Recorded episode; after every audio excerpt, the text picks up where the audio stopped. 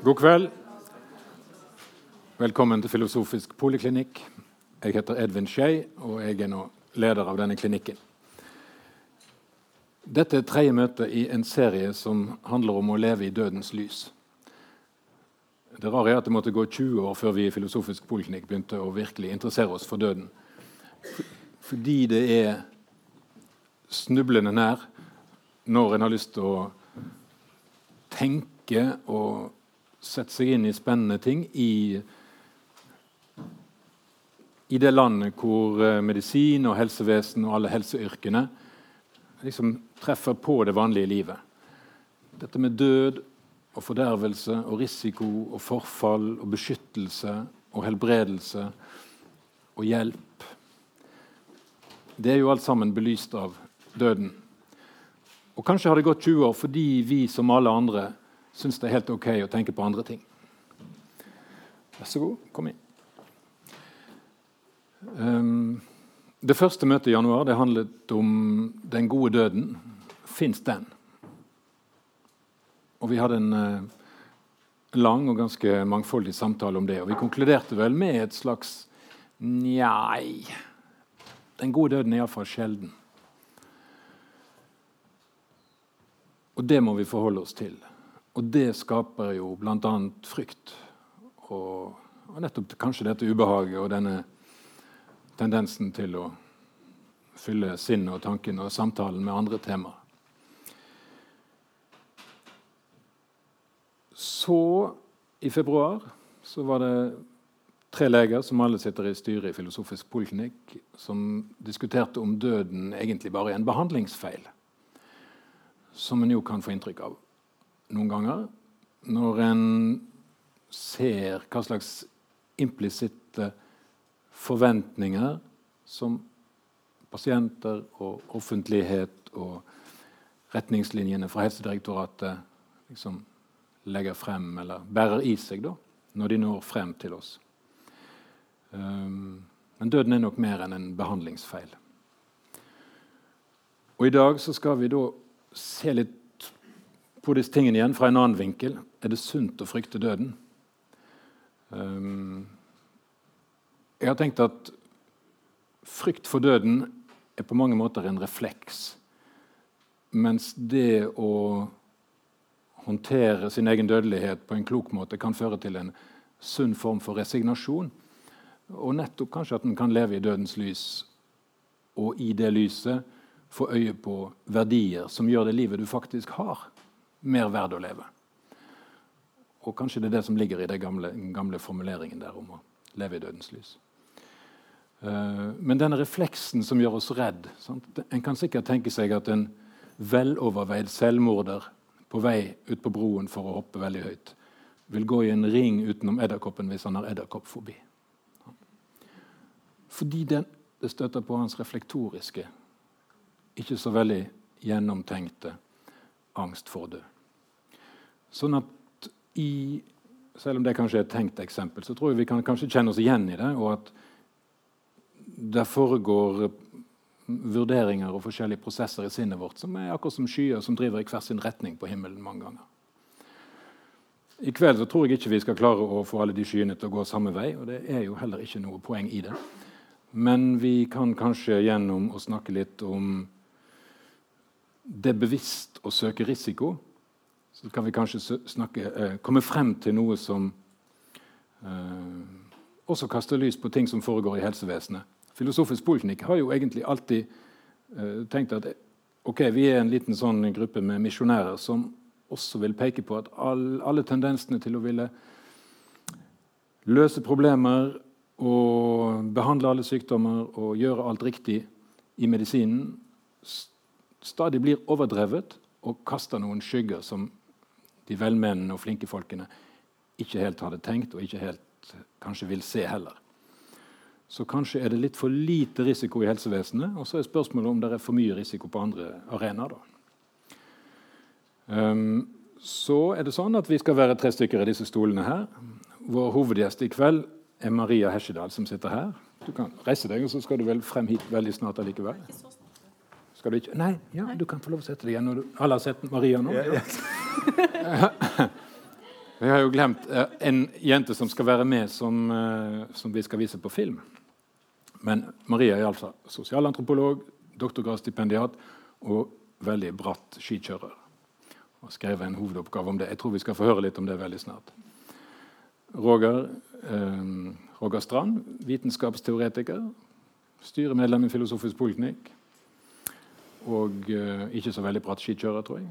Ikke flat skikjører engang. Nei. Er det du kommer dit hvor jeg skal reise meg opp og introdusere den videoen? Kanskje? Ikke det? Ja. ja. Har du lyd? Ja. ja det finner vi ut av. Da syns jeg, ja? jeg, du bare skal overta. Ja. Takk skal du ha. Vi, da vi uh, planla dette møtet og drodla om hvem vil være, hva ville vært det perfekte panelet for å diskutere det her Det er klart at det måtte jo være med oss, da, selvfølgelig, fordi vi er jo medlemmer av perfekte panel alltid.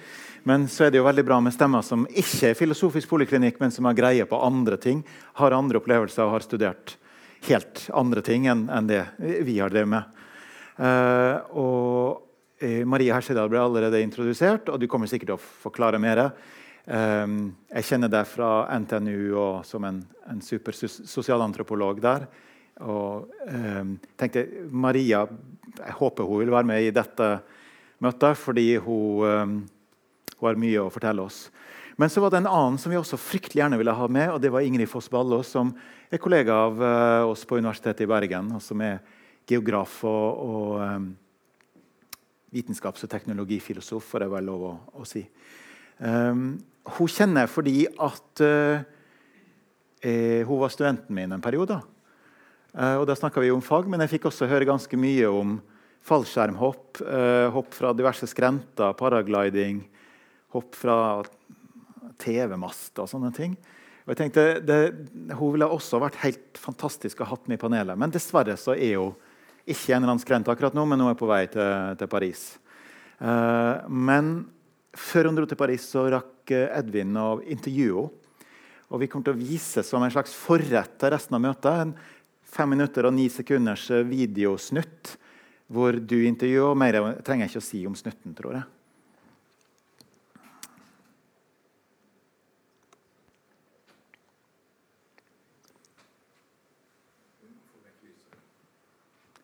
Kanskje vi tar vekk lyset her, og hvis det går også. Nå skal dere få møte Ingrid Ballo. Hun er en ung dame med masse utdannelse, stor kompetanse. Holder for tiden på med et doktorgradsprosjekt om energibruk og har studert geografi og mange flotte ting. Eh, denne smarte personen har fått det for seg at eh, livskvaliteten høynes hvis hun utsetter seg for spesielt farlige ting. Og nå må vi få henne til å forklare det. Ingrid, kan du gjøre rede for dette her at eh, Hvorfor er det gøy å fly og hoppe og gjøre livsfarlige ting? Og hvorfor er det mer gøy enn mye annet, som f.eks. frimerkesamling? ja. Altså, nå har jeg drevet med frimerkesamling òg, så man skal ikke undervurdere det. Nei, jeg har også gjort det. ja, ja, nei, det Altså, det, hvor skal man begynne? Jeg tenker at eh, jeg har vel alltid hatt en sånn dragning mot eh, den typen aktivitet. Jeg liker liksom eh, Jeg tror det som gjør det så gøy, er liksom friheten og intensiteten i den opplevelsen. Og så er det jo ja, en naturopplevelse. Så på lik linje med å gå på fjellet eller sånne ting, så, så ser du liksom et landskap. Jeg er veldig glad i utsikt. Og så handler det vel mye om som i mange andre sporter, altså det er en sport, om mestring og fellesskap og, og disse tingene. Altså, jeg har fortsatt Et par av mine beste minner i mitt liv er fortsatt fra fallskjermhoppinga. Jeg husker liksom et av de, de første hoppene fra, fra, full høyde, da, for du begynner jo litt lavere, ikke sant? og så går gradvis oppover. Det var over Oppdal da, i Trøndelag. Altså liksom, var jeg sist ut av flyet, for hopper gjerne sånn i puljer. Og så hopper jeg liksom ut, og så er det solnedgang. Og så ligger du der, det er ingen rundt deg, det er bare luft. Og, sitter, og det er helt stille. Så det, det er jo en form for meditasjon på mange måter, uten at jeg kanskje innså det da. da. Og det, er bare, det er helt, eh, helt uforglemmelig. Og det, sitter spikra i, i, hukommelsen. Og det er noe i stressende øyeblikk i livet som man kanskje kan hente fram. Som, som er en ressurs som på en måte ligger der. da. Og tilsvarende med hopp hvor, du, hvor det ligger skyer lavt, f.eks. Og du kan kjøre liksom slalåm mellom skyene. ikke sant? Og, og, gjerne sammen med andre og liksom leke sammen oppe i lufta. Det, ja, det, det er utrolig gøy, da. Men jeg tror også for meg så, så, handler det nok mye om at hvis livet oppføl, oppføl, nei, føles som litt sånn tøft, så, så, hjelper det å fly, da. Fordi at du Hjelper føler... med heroin også? ja, ja det, det, er sikkert noen som, som gjør det òg. Mm. Og jeg, tror, altså jeg kjenner jo folk som også har vært eh, f.eks. alkoholikere og så begynt med fallskjermhopping. Mm. Eh, og så har det på mange måter da vært en vei ut. Mm. Altså det blir, det så det, du snakker egentlig om følelsesregulering? Ja, til en viss grad så gjør vi kanskje ja, det. Du har funnet en måte å regulere dine følelser på. Mm. Eh, hvor mange av disse menneskene som du har vært glad i og blitt glad i, har dødd? Det, det er noen. Det er det. Uh, og det er liksom uh, Ja. Altså det er kanskje en av ulempene med å begynne med en sånn sport så tidlig. Du sa nettopp til meg at det nesten ikke var farlig. Ja, altså det, det, altså Statistisk sett så er det én av 70 000 eller noe sånt som dør, da, eller som har alvorlige ulykker. Mm. Det er mye mye mindre enn det er for å kjøre bil, f.eks. Men det er da Det er noe med at uh, Ja, når noe skjer, så det trenger ikke å være at folk dør. Det kan også være at de bare får veldig alvorlige skader i rygg eller ja, sånne ting. Og jeg, noe, jeg, har ikke hatt så veldig mye erfaringer med det, men jeg har opplevd det noen ganger. Og da sett det veldig på nært hold i veldig ung alder. Men jeg tror også det gjør at på en måte for altså Du sier det ikke snakkes om, det snakkes til en viss grad om de tingene i miljøet. Og da er man jo veldig sammen når sånne ting skjer, og tar veldig vare på hverandre. Men en ting som også snakkes om, er liksom eh, Ja, hvis at noe skjer med meg nå, da Det har vi jo snakka om. Hva, hva om noe skjer med meg i dag, eller Så er det jo liksom en sånn holdning at ja, men da hadde jeg det i hvert fall helt fantastisk, da. Ikke sant? Da, da døde jeg mens jeg gjorde noe som, som er det beste jeg vet å gjøre. Mm. Og da, for meg så, så, er jo det totalt verdt den risikoen. Da. At mm. det er liksom det er kanskje viktigere å leve vesentlig på et vis, altså på å leve mens vi er, enn en antallet dager vi får. da.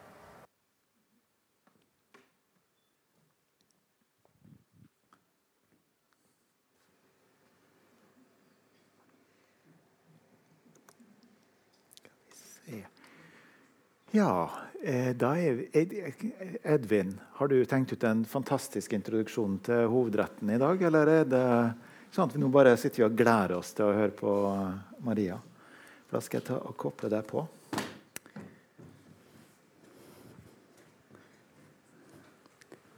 Og da pleier det å se sånn ut, men det ordner seg fort.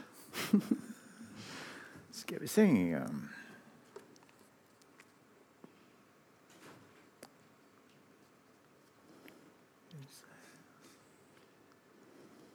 Nå tar jeg bare røsken ut bitte litt, og så um, røsker den inn. Sånn.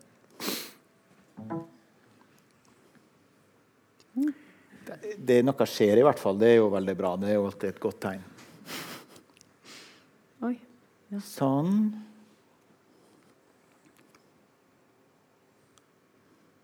Ja. Fantastisk. Bra. Så, ordet er ditt. Takk. Uh, ja. Uh, først, uh, tusen takk for at jeg fikk komme. Det er veldig artig å være her. Det er veldig artig å snakke om dette temaet her. selv om vi får se hvor mye det har å gjøre med hverandre. jeg skal snakke om bratt skikjøring eller alpin skiferdsel eller toppturer. Jeg kommer til å sikkert bruke disse begrepene om en annen. men for dere som ikke er kjent med dette toppturbegrepet, så betyr det altså at du har på deg ski. Du går opp på en topp, derav navnet, eh, og du kjører ned fra denne toppen med ski på. Og eh, litt av poenget er at eh, nedturen er minst like viktig som oppturen. Eller man kan jo si da at liksom Oppturen er nedturen. Altså i det hele tatt mange ordspill der man kan gå.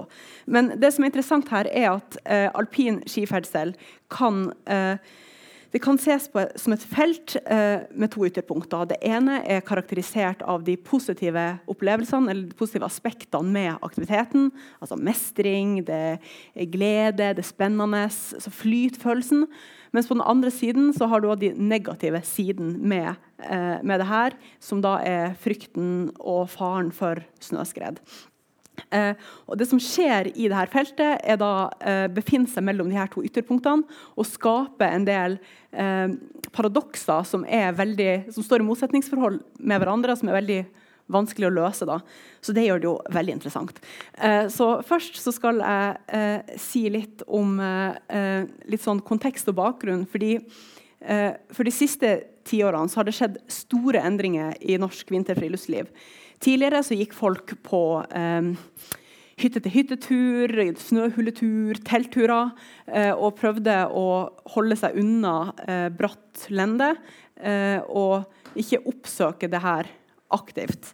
Eh, et vanlig ferdselsråd som for så vidt fortsatt gjelder, er 'følg rygg, vær trygg'. Eh, men det er klart at det kan du ikke gjøre hvis du skal kjøre bratt på ski. og det her er toppturer og bratt skikjøring har nå blitt en veldig stor og viktig del av norsk vinterfriluftsliv. Og i stedet så må du da oppsøke ikke sant, bratt lende eh, for å kunne kjøre, eh, kjøre på, ski, og, på, ski. Og man tar i bruk eh, områder som man aldri før ville tenkt på som skiområder. ikke sant?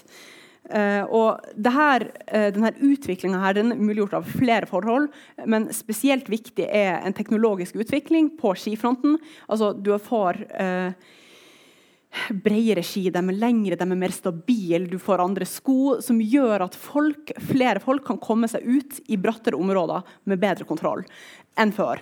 Før måtte du være flinkere på ski. Nå trenger du ikke være like flink, men du kan fortsatt kjøre bratt. Um, så litt skredstatistikk for å skjønne litt det, hva det er vi, vi, snakker om, og for å forstå litt av denne risikoen eh, med, eh, med, skred. Så De siste 15 årene så er det 86 personer som har omkommet i snøskredulykker i Norge. Og Av de her så er det 61 personer som er ski- og turgåere. Og eh, I forsøk på å redusere det her antall ulykkene som jo er veldig tragiske ulykker når det skjer. For det er jo når folk er på tur, de er med venner familie, de skal ha en fin dag ute, og så skjer det en tragisk ulykke. Så det vil man jo åpenbart eh, prøve å eh, minimere. Så er det gjort mange tiltak, risikoreduserende tiltak da, for å prøve å få, få ned det her. men så er det jo sånn da at topptur er sammenfiltra med risikoproblematikk uansett hvordan man ser det. og denne økte populariteten som skikjøring og topptur har fått, fører til flere ulykker fordi det er flere folk ute. Og jeg er sikker på at uh, hvis dere ikke går på tur sjøl, så kjenner dere sikkert noen uh, som uh, Man ser det spesielt godt på sosiale medier, Instagram, Facebook, at folk legger ut bilder av seg sjøl på topptur, på ski, på når de er aktive og viser at de er fete folk. Og at folk som aldri før har rørt ski, plutselig har splitter nytt utstyr og er trendy og fresh på Facebook. Fordi som alle vet, så blir du det du gjør. Og hvis du gjør spennende ting, så er du en spennende person. Eh, og det ser man eh, i denne trenden her, eh, og det er veldig spennende. Men jeg tenkte jeg skulle si litt om det her med at altså, Årsakene til at skikjørere blir tatt i skred, det kan deles inn i to grupper. Den ene gruppa er såkalte objektive faktorer. som da er faktorer som kan måles og regnes på. Eksempler er f.eks. Eh, vær, altså forhold, hvor mye vekt må det på snødekket for at et skred skal utløses. Eh, helningsgrad, altså hvor brått er det. Alle disse tingene. Eh, og at de er objektive i den forstand at de kan ja, regnes og måles på forhånd. I hvert fall i teorien. Eh, og skredfeltet har i veldig stor grad vært dominert av uh, kvantitative vitenskaper. Uh, og selv om man har forska mye på disse tingene, så ser man at folk fortsatt er på feil sted til feil tid. Eh, og Dette har gjort at det har blitt en sånn dreining da, i skimiljøet mot det som kalles for den menneskelige faktor. Eh, og den menneskelige faktor eh, er egentlig kort sagt forklaring på alt det som ikke kan regnes som måles. Og Jeg ser litt nærmere på denne menneskelige faktoren i masteroppgaven min. Og det er ikke shocking news bare én faktor, men det er mange ting eh, som går inn eh, i det her, eh, som sammen danner en veldig komplisert pakke. Eh, ja, som består av, av, mange forskjellige elementer. F.eks. Ja, identitet, det jeg snakker om, det her med deling på sosiale medier, det er reklame, det er utstyr, det er kjønn altså Det er veldig mange ting her som, som spiller sammen og ofte kan stå i direkte motsetningsforhold til hverandre. Um, så uh, det finnes flere typer snøskred. Uh, og Det vanligste, uh, det finnes to typer snøskred, og det er flakskred og løse snøskred. Og Flakskred er det som er det vanligste, og det som fører, til flest ulykker. Uh, og de her kan være flere hundre meter uh, lange. De kan bevege seg veldig langt, også utover flatere områder. Så det jeg tenkte at jeg skulle gjøre nå, uh, det er at jeg skal vise dere Oi sann, her. Den her. Ja, ja, dette går dritbra. Se her.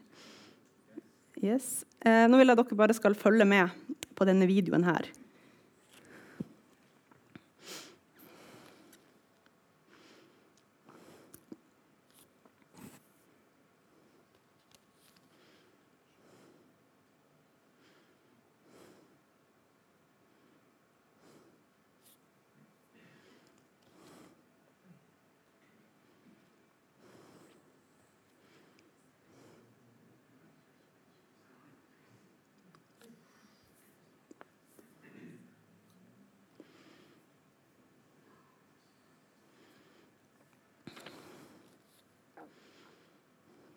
Ja, dette er et lite flakskred eh, som skjer, ikke spesielt bratt. Så dere ser nå skikjøreren. Han kjører.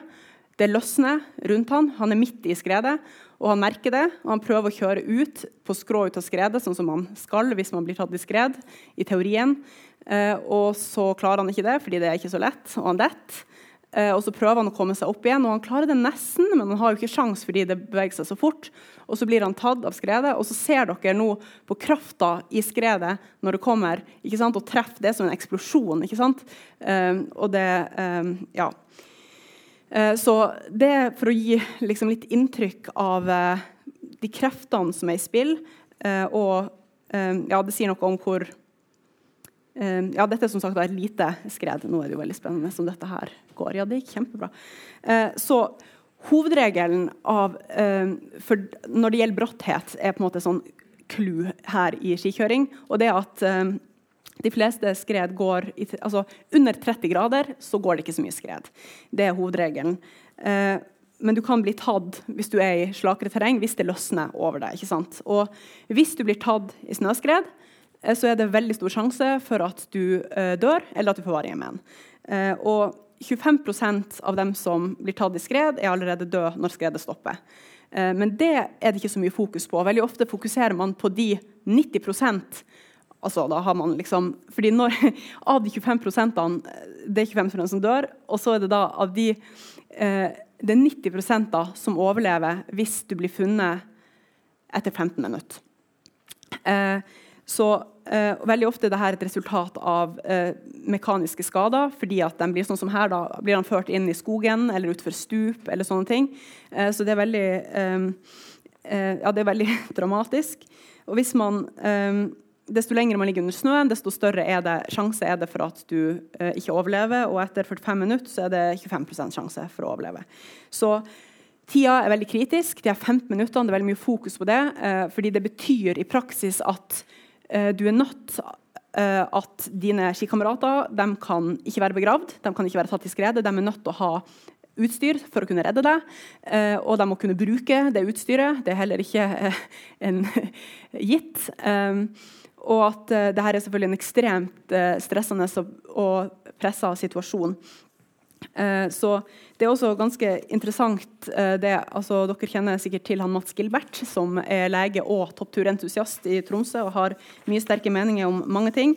Men han sier eh, bl.a. at eh, de kan sitte på universitetssykehuset i Tromsø så kan de se at det går et skred i alpinsenteret i Kroken, som det heter, i, eh, Tromsø. Og de kan dra med én gang, men allikevel så kan de ikke redde liv for det går for lang tid.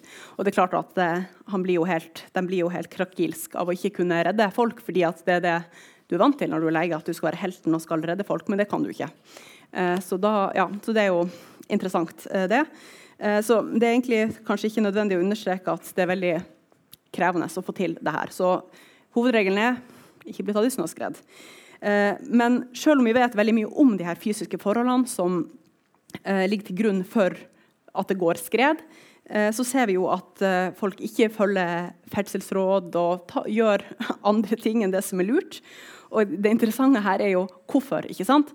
hvorfor holder folk på med de aktivitetene når, når man vet det er farlig? Hvorfor holder de seg ikke unna skredfarlig terreng når de vet at det er skredfare? Det er selvfølgelig mange svar på det. Dette her er jo ett svar på det, f.eks. Eh, valget om å drive med bratt skikjøring og toppturer eh, er, har grunnlag i følelser. Det er litt sånn som det Ingrid Ballo snakker om her. Den følelsen av eh, eh, det er morsomt, det er sosialt, det er spennende, det er utfordrende. Og flyt dere kjenner sikkert til flytbegrepet, er også en veldig viktig del av lekenheten eh, i, i toppturene. Men siden dette møtet her skal handle om døden, eh, så tenkte jeg skulle snakke litt mer om det her med spenning og spenningsaspekt og utfordringer. fordi det er veldig viktig for folk som kjører bratt på ski. Eh, og når du kjører på ski og i bratt skikjøring, så kan du eh, pushe grensene dine på en helt annen måte enn det du kan andre steder i det vanlige livet ellers. da, og det som skjer når du pusher grensen, er jo at uh, marginene blir mindre og mindre. Uh, du blir flinkere å kjøre på ski, det er artig, men så uh, blir det kjedelig å kjøre så slakt. Og du tenker ja, jeg kjører litt brattere, og så beveger du deg litt ut i litt brattere terreng, og så blir du bedre. Og så pusher du ikke sant, marginene. og det, det, er flere, altså det, er flere, måter å pushe grenser på. Det er jo ikke bare å, å kjøre brattere. Det er også å bevege seg ut i områder der du kanskje ikke burde vært. Dere har sikkert fått med dere den uh, kjempetragiske skredulykka i Tamokdalen i Troms, som var nå nylig, der fire personer ble tatt uh, i skred og omkom i skred, og det fortsatt ligger en person der som de ikke har fått henta ut pga. at det er farlig å gå inn for redningsmannskapene. Um, og det er òg et sånn veldig tragisk um, eksempel på at folk pushe grenser. Du kan kanskje ikke alltid eh, vurdere om du klarer å beregne om du burde vært der eller ikke. ikke sant? Og det, ja. eh, Troms er jo for øvrig eh, skredofferfylke nummer én i Norge. Det er veldig mange ulykker som, som skjer der. da. Eh, men jeg tror at veldig mange i Norge i dag lever eh, liv uten denne type utfordringer. Altså utfordringer og spenning som går utover de daglige gjøremålene, som å handle på butikken og hente noen i barnehagen. og gjøre disse tingene. Og at eh, ved å drive med sånne såkalte eh, risikoaktiviteter, så får du tatt i bruk hele følelsesspekteret på en annen måte. Du kan føle eufori og glede og spenning og nervøsitet og redsel og lettelse. Og ofte flere av disse tingene eh, samtidig eller med veldig kort mellomrom. Um, og Det er jo mange måter å oppleve det her på. Det må ikke være, du må ikke kjøre bratt på ski. Eh, du har jo, ja, sånn som Ingrid Ballo snakker om, eh, eh, ja, fallskjermhopping og du har basehopping. Men det som er interessant er at det er gjort veldig få studier på det her. Man vet veldig lite om disse typer aktiviteter. og jeg tror også det er sånn at vi mangler et språk for denne type opplevelser. Altså mangler et språk for opplevelsesaspektet ved bratt skikjøring. Og at jeg tror at det, så, det, det her er med på å begrense eh, hvordan vi tenker på det, fordi det er i veldig stor grad eh, en del av en sånn risikodiskurs. Eh, og det påvirker selvfølgelig eh, hvordan, hvordan, man tenker på det. Og jeg tror at eh, vi eller vi i Vesten vi lever jo i et samfunn som er besatt av kontroll. Og spesielt gjennom regning og måling og statistikk og, og, og alt dette her for å minimere eh, risiko og for å få økt trygghet og sikkerhet. Og nå skal ikke jeg si at det er bare en dårlig ting, for selvfølgelig eh, så er det også en veldig bra ting. Men det som skjer når det er så stort fokus på kontroll og sikkerhet, er jo at det blir veldig vanskelig å snakke positivt om det motsatte. Ikke sant? Og at det er egentlig bare ett sted i samfunnet vårt der vi snakker om risiko som noe positivt, og det er finans. Uh, og der er det greit uh, å ta risiko. Uh, og vi kan liksom akseptere at børsmeglere tar stor risiko fordi det er så stor gevinst. Selvfølgelig økonomisk gevinst. Og veldig på nesten alle andre områder så er ikke risiko sett på som noe positivt. Men, eller at det ikke har noe gevinst. Men det er selvfølgelig helt feil. fordi uh, det er veldig, ofte en veldig stor gevinst for de som driver på med de her tingene. her. Uh, men, men, det er vanskelig å oppnå på en annen måte enn gjennom de her uh, tingene. Og der fokuset på kontroll tar liksom bort muligheten for å, for å, drive på med risikable ting. Og jeg tror at folk trenger litt spenning. Jeg tror at eh, samfunnet vårt i dag mangler litt sånne halvrisikoaktiviteter som gjør at du kan utfordre deg sjøl eh, litt eh, uten at du trenger å dø hvis det går galt. Men liksom, den spenninga at, at du det, det, er så velregulert at du har liksom ingen rom for det her. Eh, det er ikke så lett å lære av dine feil hvis det at du gjør feil, gjør at du dør. Ja. Så eh, Det som også skjer når vi får det her enorme fokuset på kontroll, det er på en måte at man man avliver flaks og uflaks. Eh, og der Fokuset er på kontroll for å unngå risiko. og I risikoanalyse så er det ikke noe plass for flaks og uflaks. Eh, og jeg tror dette er med på å gi risiko eh, risikobegrepet er mye mer sånn negativ konnotasjon enn det kanskje har hatt før. Eh, fordi, eh, fordi, at du må liksom forstå at det har en gevinst, eh, denne risikoen som tas.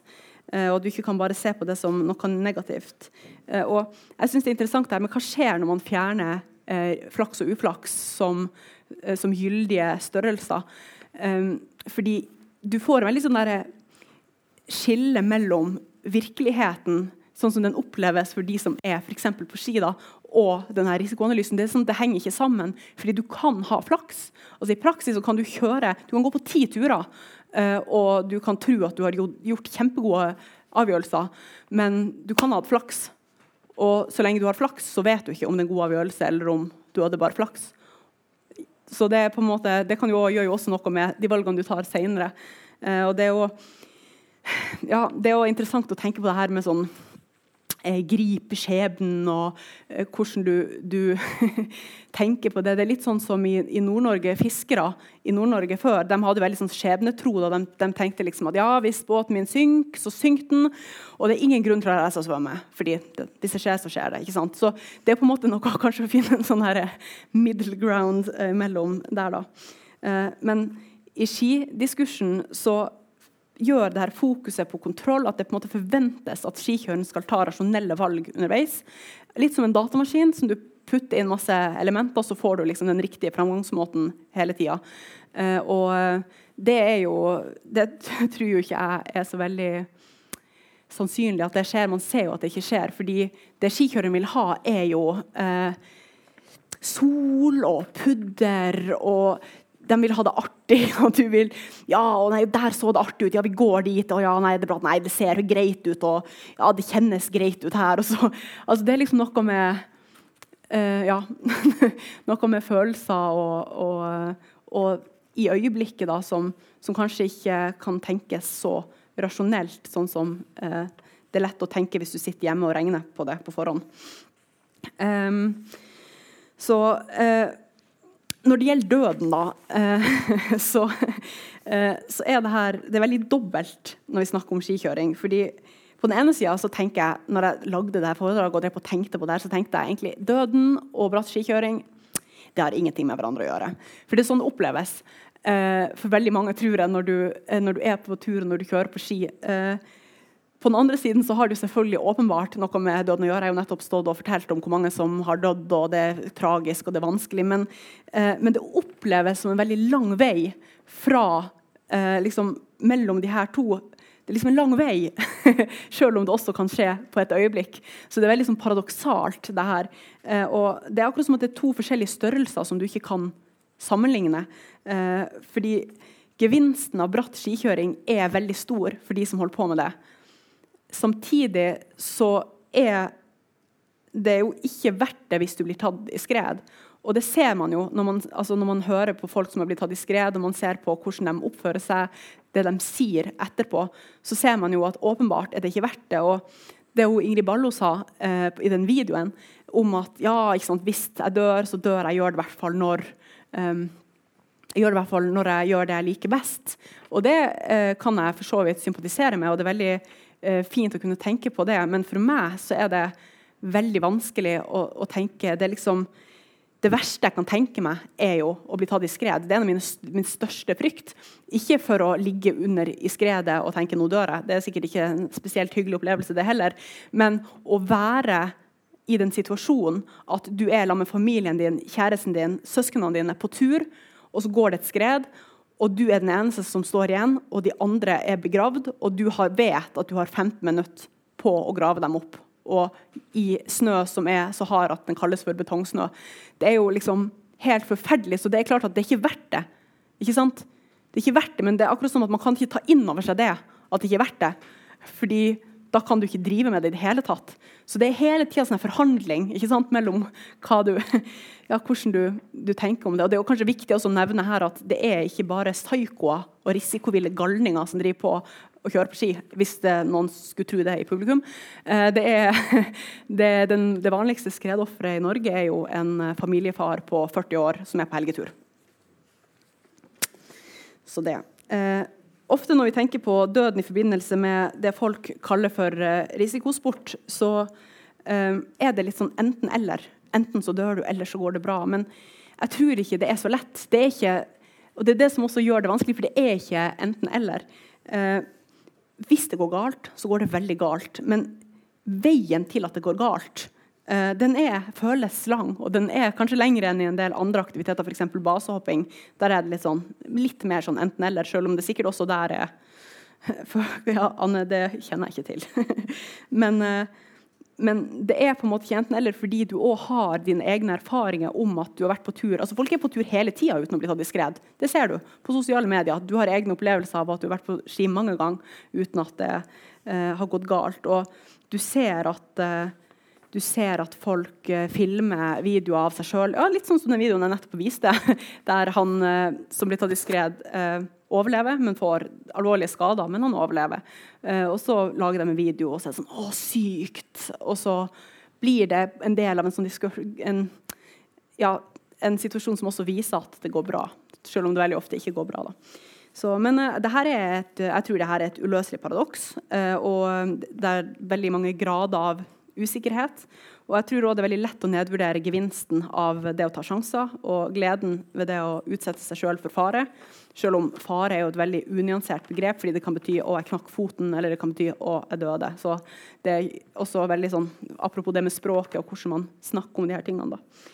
Men eh, nei, man skal ikke nedvurdere gevinsten av eh, det å ta sjanser. og Man skal ikke nedvurdere spenninga og, og, gleden ved, ved mestring. Så det var det jeg hadde. Ja.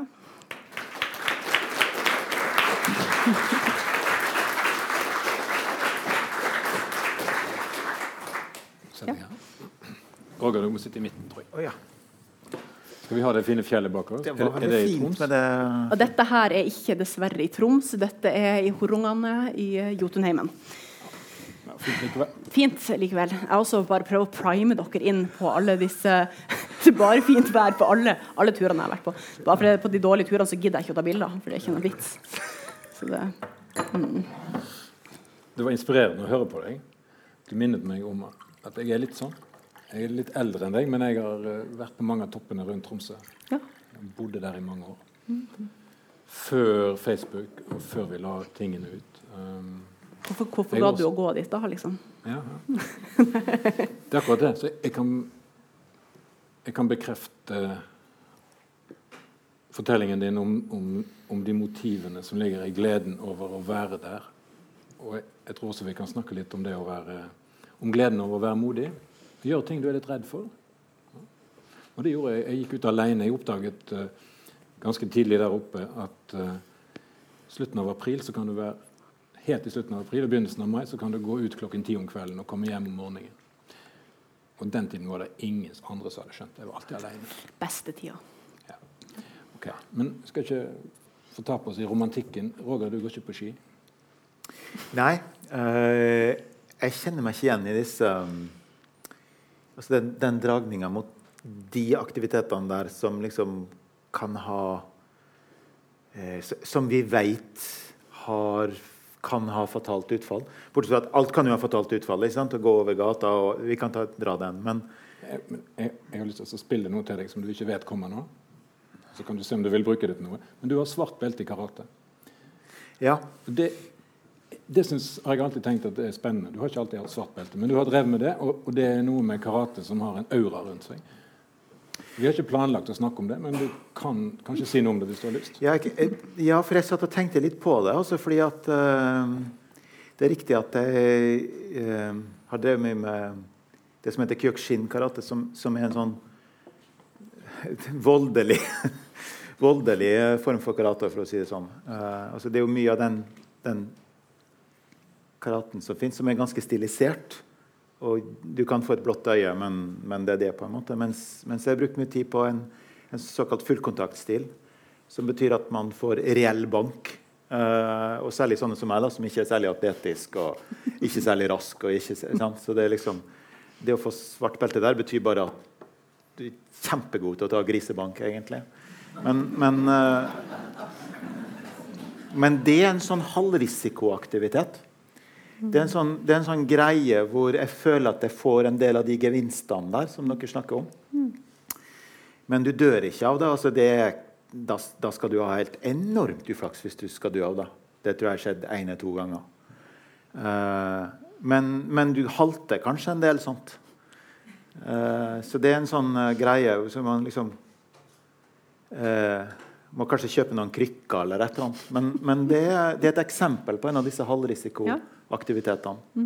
Som eh, legger igjen noen egenandeler på, på legevakta, men, men ikke belaster, belaster systemet og familien og sånt på samme måte. Mm. Men er det sånn eh, sudden death i eh, karate? Sånn at kampen plutselig kan være over, som du tapper på, eller Ja, det, det kan det være, men, men altså eh, Da jeg gikk opp til svart belte, så, så liner de opp 30 gorillaer, på en måte, og så har du en time med, med Fight Club, hvis du har sett den filmen. Ja, ja. Det, det er grunnen mm. sånn det er. Mm. Det, det, er mer, det er mer vennskapelig enn det, men, men det ligner ellers en del. Ja, for det er en del som mener at det her, i en del kampsporter så er det det her eh, sudden death-aspektet gir òg ekstra liksom eh, Ja. spenning til aktiviteten fordi at ja, at det Ser den. kan eh, være med. At det har noe med tidsaspektet i den. ja. Ja. Og usikker, altså den der Ja. usikkerheten, det er sånn element, sånn wildcard.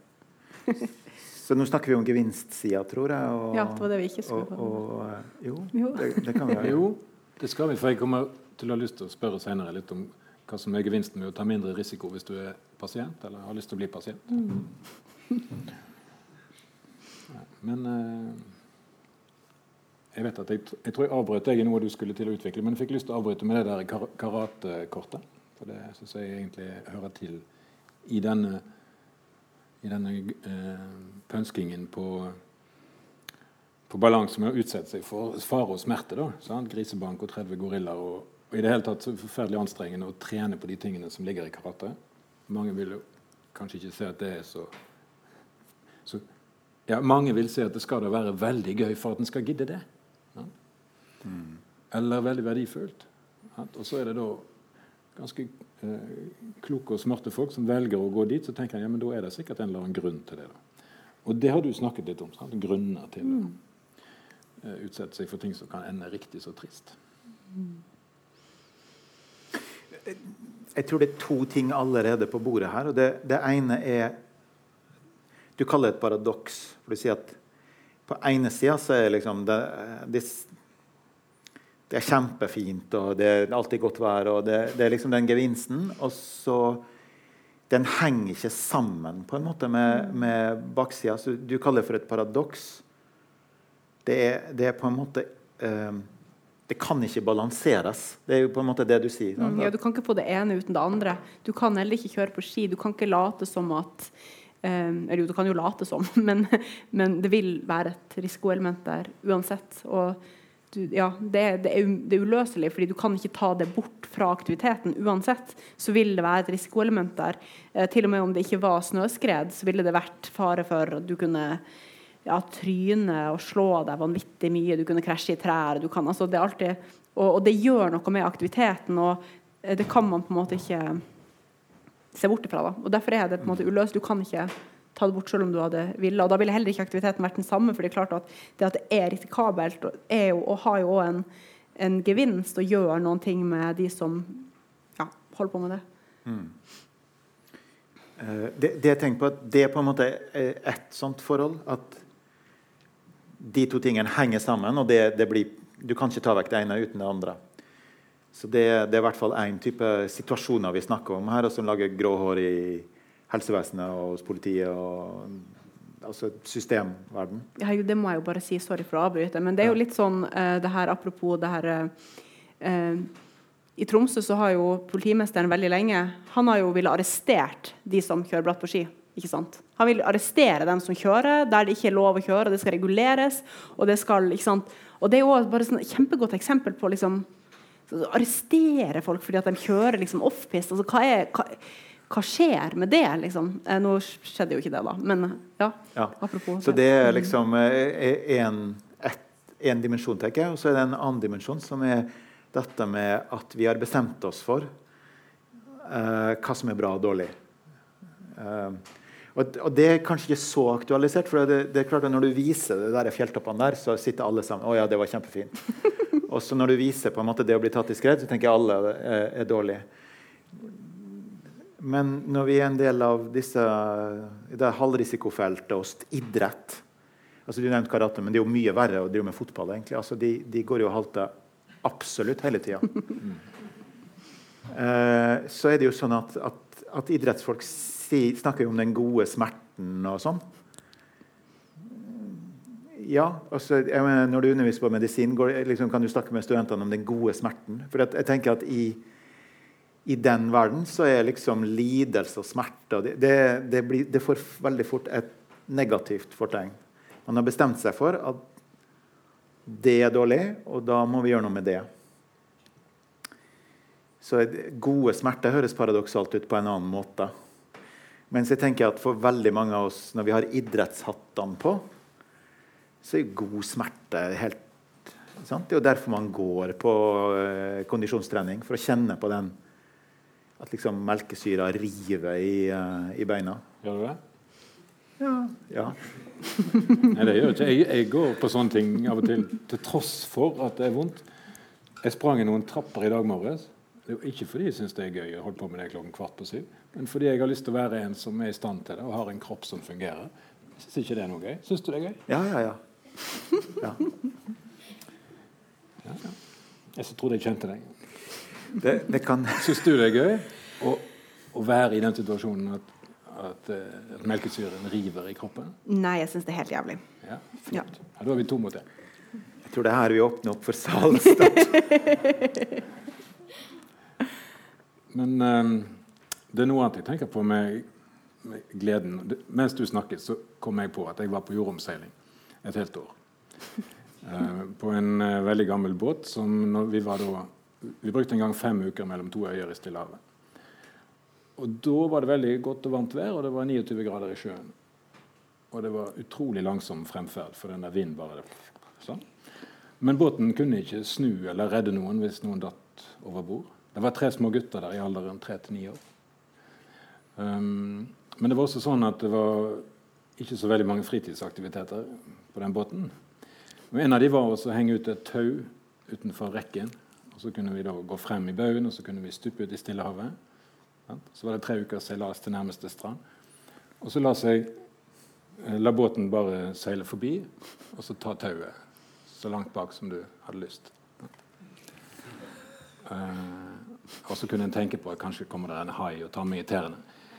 Men men bortsett fra den haifantasien, så var fantasien om å slippe det tauet altså, veldig påtrengende og litt sånn herlig. Eh, og så gjorde vi andre ting. Vi, jeg var en kompis, jeg var ung og dum, men vi dykket. sant? Og jeg dykket, så, også, hvor, hvor, dypt kan du dykke?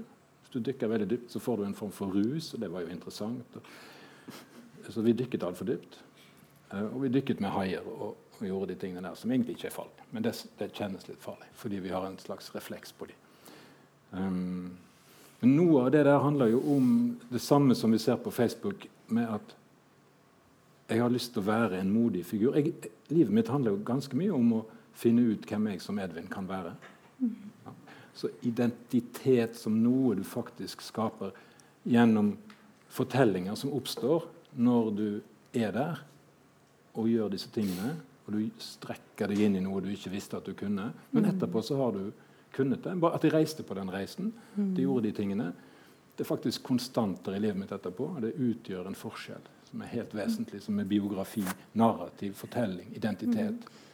Ja, det Dette ligger jo heavy inn i alle de tingene vi snakker om? Ja, ja, absolutt. Og jeg tror at når det kommer til uh, skikjøring og den enorme populariteten det har hatt de siste årene, det vil jo, jeg tror ikke det ville vært mulig på samme måte uten sosiale medier. Fordi du kan dele i sanntid ikke sant? hvor du er, når du er. du kan altså Det er så mange muligheter for å skape seg et bilde og, og en identitet, og som hele tida blir forsterka av ikke bare av liksom at du får likes og folk digger spesielt de bildene du legger ut som der du er på tur, mens ikke der du gjør andre ting.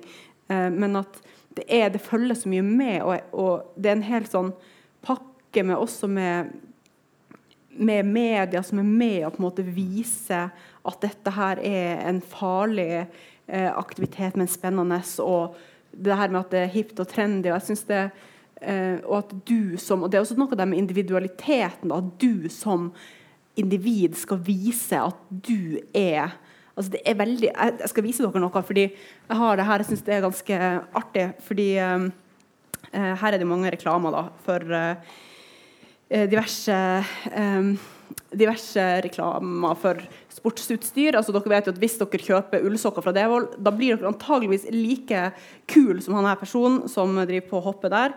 Det samme hvis dere bruker Møllers tran.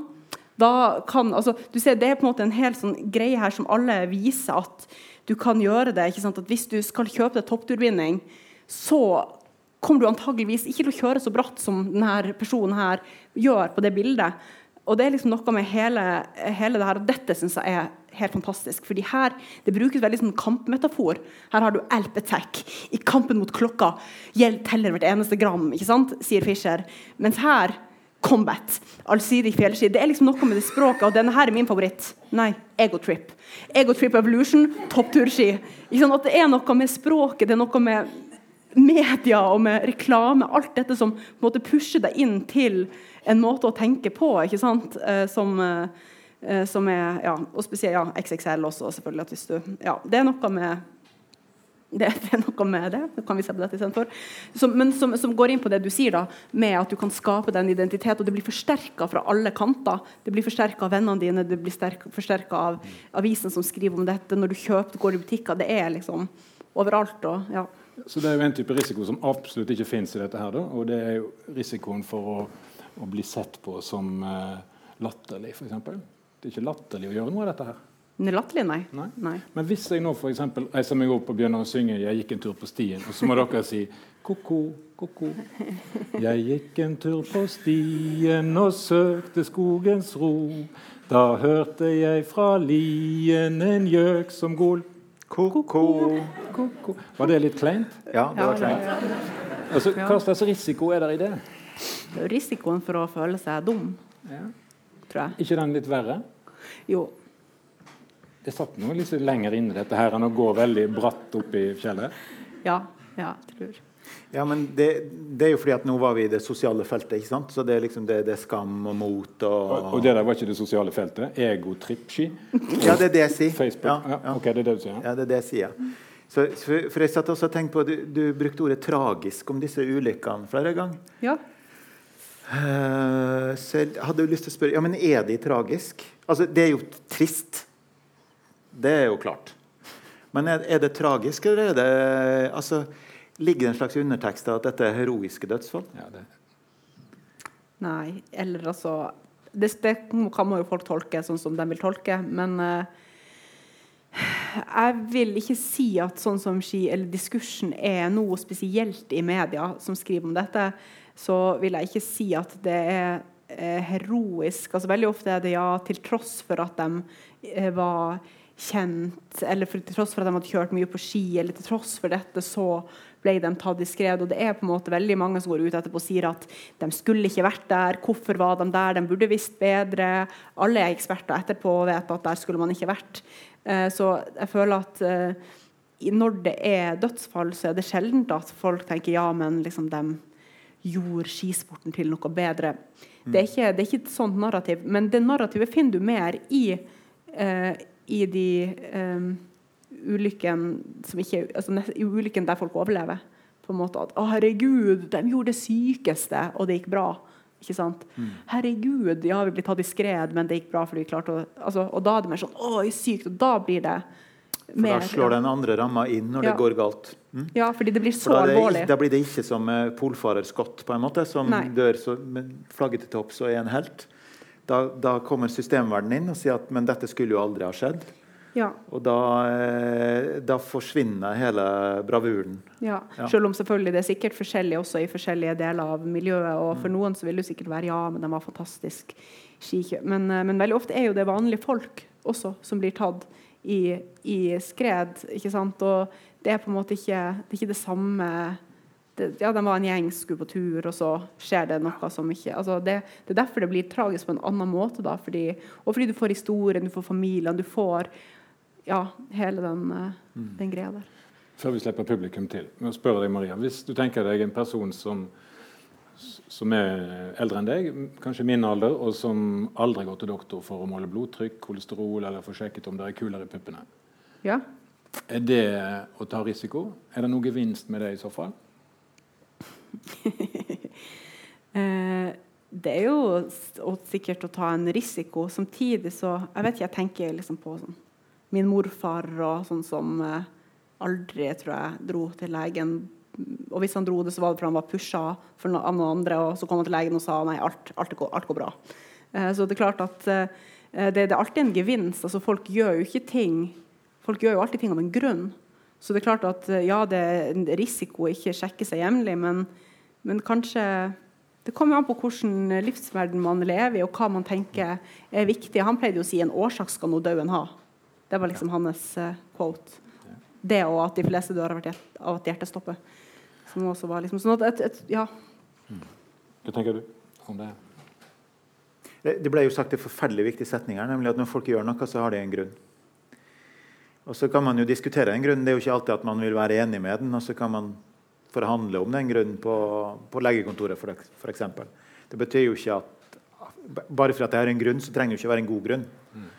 Uh, men den kan jo diskuteres.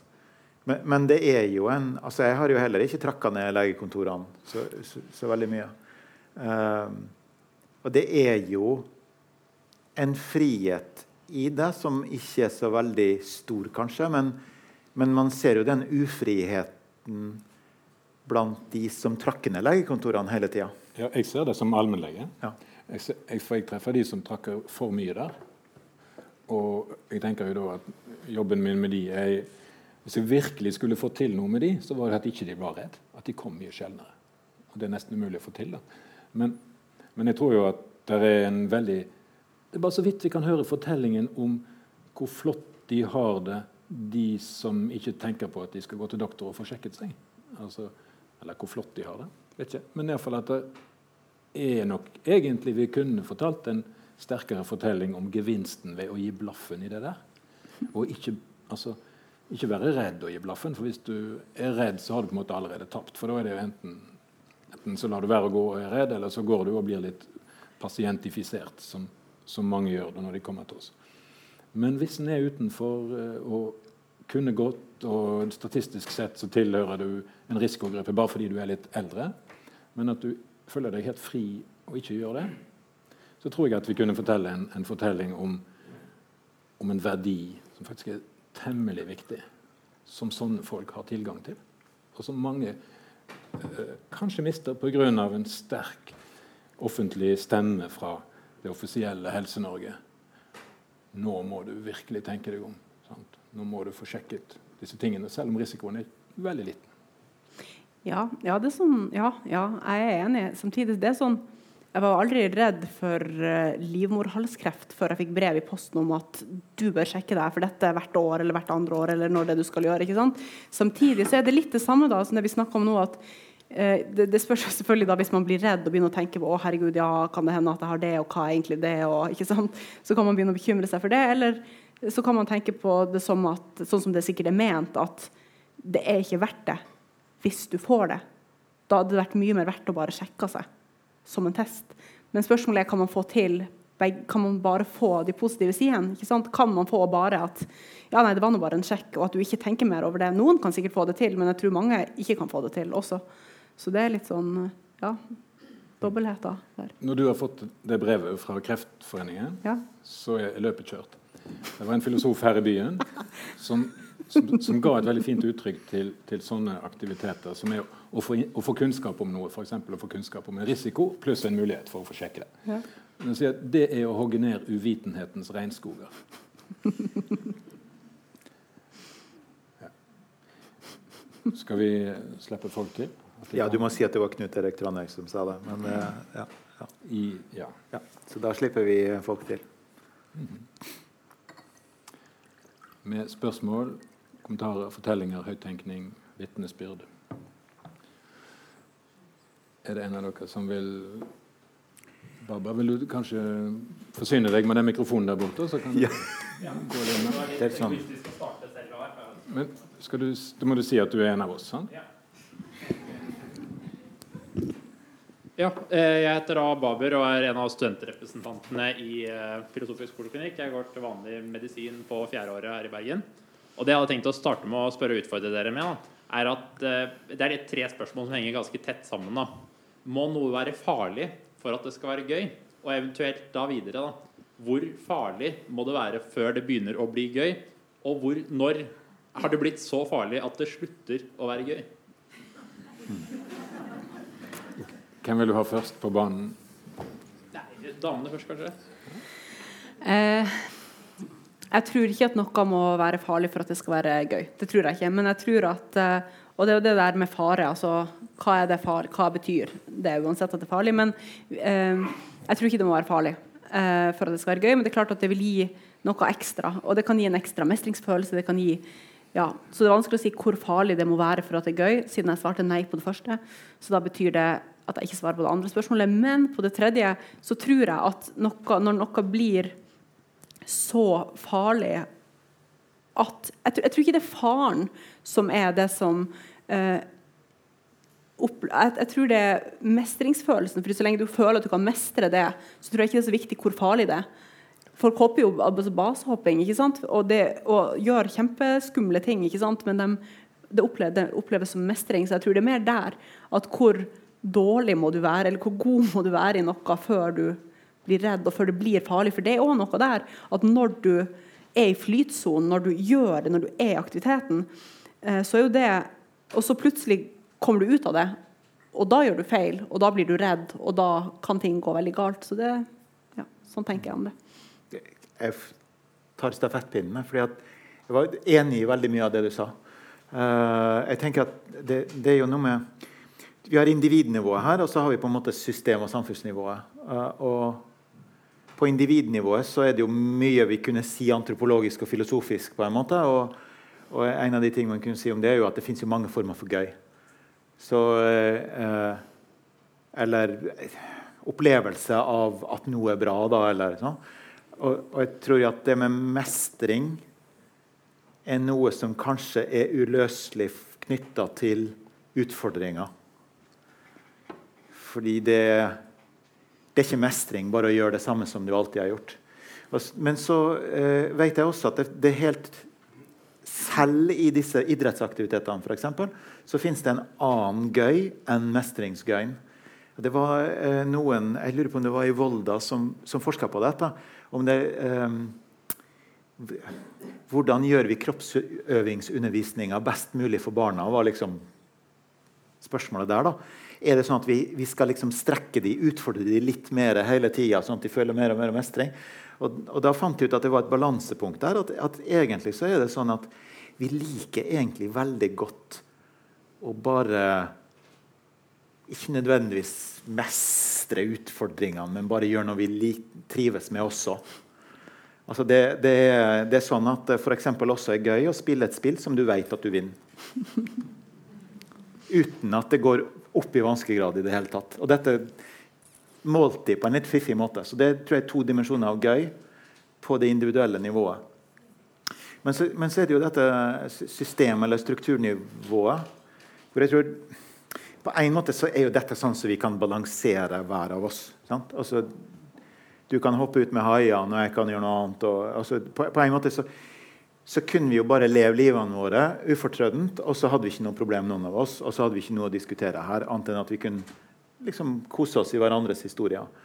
Men så har vi jo en systemverden hvor det at folk gjør farlige ting, blir eh, begrepsfesta som at de tar en risiko. Den risikoen er ugunstig, ugunstig for den, den, den, utløser utgifter og problemer. Så det, det, er jo det som er, det er helsevesenet, men det er også politiet. som du sier, og Det, det kan jo være mange, mange moderne institusjoner, skolevesenet, hvor det at folk gjør ting som de syns er gøy, er et problem for systemet. Og systemet setter opp et eller annet virkemiddelapparat for, for å prøve å unngå at folk eh, hopper der de ikke burde hoppe, eller røyke eller drikke alkohol, eller har ubeskytta sex, eller andre ting som de da egentlig ville ha foretrukket å gjøre. Så det er vel det som står på spill, tenker jeg. Jeg tenker at Gøy er en slags uh, belønning som evolusjonen har lagt ned i alle vesener. Uh, hvis det er gøy, så har det på et eller annet tidspunkt hatt overlevelsesverdi. Og Det er ganske interessant. Det, det, gjør at du kan bli litt overrasket hvis du skal tenke ok, det må bli konklusjonen at det har hatt overlevelsesverdi. Um, hva er det med veldig risikable ting som, uh, som kan svare helt på den modellen der? Um, at, at, mestring har overlevelsesverdi, og at, at, hvis du har en stor gjeng med folk, og du utstyrer dem sånn at um, de får en umiddelbar belønning for å lære seg ting, så vil det jo i en tidlig, tidligere tid så vil den ha større sjanse for å overleve krig og ville dyr og komme seg opp igjen av hull i isen og hva det nå er som har skjedd. Så det er egentlig lett å se som en tilpasning til uh, skumle omgivelser med mye bratt og hai og alt det der. Um, og et element som vi ikke har vært inne på, men som jeg tror er ganske åpenbart, er at uh, de litt farligere tingene, der er det større sjanse for å fremstå som enestående og spesiell. Og Det vil også ha overlevelsesverdi. og Du er kanskje litt mer sexy. og Det er kult, og du kan få makt på forskjellige måter. Så, så den type dype, litt sånn halvgenetiske ting tror jeg ligger inne her. Og, og gjør at i, i randsonene vil det være ganske tiltrekkende å gå. Ja, du, det er en kostbar billett, men du kan få masse igjen. Og og så er det noe med eh, selve opplevelsen. Jeg har ingen problemer med å til enhver tid fremkalle følelsen av å få til noen telemarksvinger i en bratt renne. Og den er akkurat en liten boble som jeg har med meg sjøl og kroppen min. Og der er det masse, masse belønning som jeg tror bare ligger i oss. Ja. Nå er flere som vil si noe. Jeg er spent på hva legevakten i Bergen har sett til dette her. Nei, jeg, eh, jeg, liker veldig godt å gå på ski. Jeg har gått mye på toppturer og sånt. Men jeg eh, må si jeg har sikkert ikke tatt de kjempestore risikoene, men eh, Torbjørn, si, si, akkurat hvem du er. Ja, Torbjørn Hisberg heter jeg. Jeg er eh, overlege på legevakten. Eller Skadepoliklinikken, som det nå heter etter eh, ja, du har fått en fin gips i deg. Du har vært på rett sted. Men eh, det var vel litt uforsiktig det òg, kanskje? Ja, det var litt sykling med piggdekk. Ja. Det var litt morsomt, for vi snakket akkurat om det noen dager før på vår filosofisk poliknikk. At du kom syklende ned her med men bare piggdekk på ett hjul, og de piggene gled okay, men jeg skal ikke inn på Jeg har taushetsplikt. Men det jeg skulle si, da jeg, eh, eh, Når jeg går på turer, og eh, så er det fornuften spiller jo en stor rolle. Og risikoen. Sant? Det er en blanding der. Eh, men jeg må si jeg har hatt veldig mange fantastiske turer. Men jeg er ikke på Facebook. Så jeg tenker Altså Det øker sånn på med folk som er oppe i fjellet nå, går plasser vi aldri har gått før. Er det pga. at det er så forbaska mye gøyere, eller er det det at disse sosiale mediene pusher deg, og at du gjør dette for å være enda mer kul? At det er det som er en av grunnene til at man gjør det. For jeg tenker man kan ha det utrolig kjekt ved å ta en litt mindre risiko også. Jeg pleier ikke å ta sånn risiko at jeg sier hvis jeg faller her, så dør jeg. Men jeg tar kanskje den veien litt bortenfor. Men kan sosiale medier være med på å gjøre dette her med folk? Ja, selvfølgelig. Eh, og det ser man. Nå tror jeg ikke det er sånn at det er enten-eller, men det er jo helt klart altså, Det er jo en trend. Altså, Toppturtrenden er en trend. Og hva som er grunnen til det, det tror jeg er flere ting. Jeg tror det er eh, samfunnet vårt som har blitt mer og mer opptatt av at man skal være frisk og rask, og man skal trene, og man skal eh, eh At det er kult å være eh, i god form og være en friskus. Eh, kombinert med at du har sosiale medier som helt klart eh, er med å pushe det her veldig mye. Eh, og i noen miljøer mer enn andre. Men jeg ser jo folk som er vokst opp med, og som aldri har liksom vært noe interessert i dette her. Ja, som, som, kjøper seg og begynner å gå på turer. Nei, kanskje de skulle begynne å gjøre det. Og jeg tror jo det har veldig mye med sosiale medier å gjøre. Samtidig så er det jo òg sånn at det er jo ikke enten-eller. Det jo, går jo an å hoppe på trendvogna og finne ut at dette her var innmari artig. og jeg liker å gå på tur, og du får gode turopplevelser. og du får, altså, Det er selvfølgelig både og. Det er jo ikke bare ego trip evolution, liksom, eh, som vi så den skia het. Um, det, er ikke, det, er ikke, bare det. så det, det, er en blanding, Men det er klart at det spiller en veldig stor rolle. Eh, og Du ser det òg på hva folk legger bilder ut av, og hva slags type bilder som får eh, mest likes. Uh, det ser du òg. Det er bilder når folk er på, på tur og, og sånn. Altså, ja.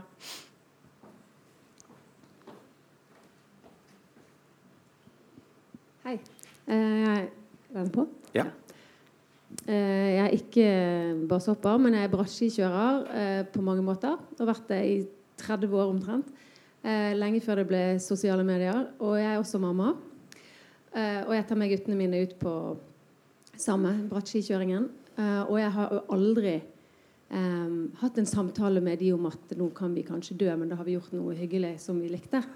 Uh, men vi unngår jo disse bra tingene når skredfaren er, er, tre. Da velger vi kanskje et litt mindre bratt parti. Mm. For å fremdeles få mestring og disse nydelige telemarksvingene i løssnø.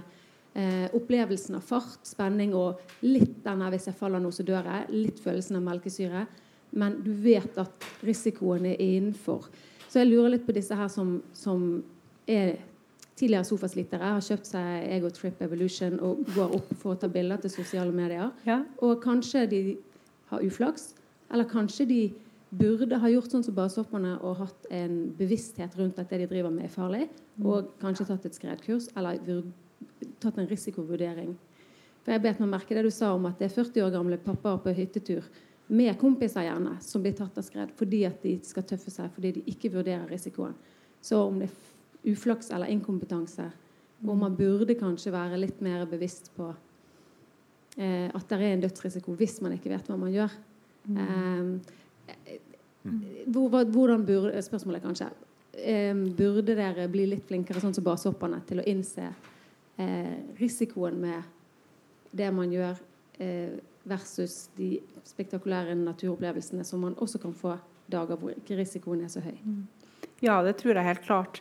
Og det, der er det jo virkelig gjort et veldig bra arbeid av veldig mange i liksom Skred-Norge som holder kurs, og som har liksom vært veldig ute og liksom sier at ja, folk må ta skredkurs. og det er eh, eh det er òg trender innenfor skimiljøet der, du, der, det snakkes om, og folk sier at har du ikke gått på skredkurs, da kan du ikke være med oss på tur rett ut. Du, har du ikke spade og søkestang, nei, da får du ikke bli med, for da kan du ikke grave meg opp hvis det går et skred. Altså denne typen eh, greier. Men så er det selvfølgelig også Så jeg er helt enig i alt det du sier. Man kan få veldig fine eh, turopplevelser med å ikke være veldig farlige steder når det er farlig.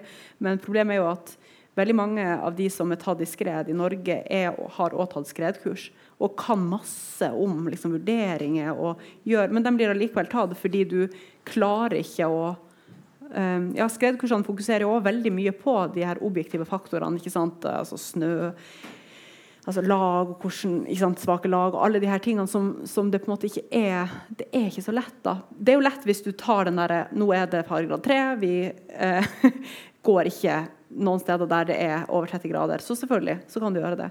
Men eh, det er den der eh, trua på at det ikke skal skje deg, og at du tror at du har kontroll folk tror jo at de har kontroll, veldig mange, helt til du plutselig ikke har det. Så eh, jeg er helt enig, men det er nok ikke så lett med mindre du kjører den harde linja og sier at det er enten eller.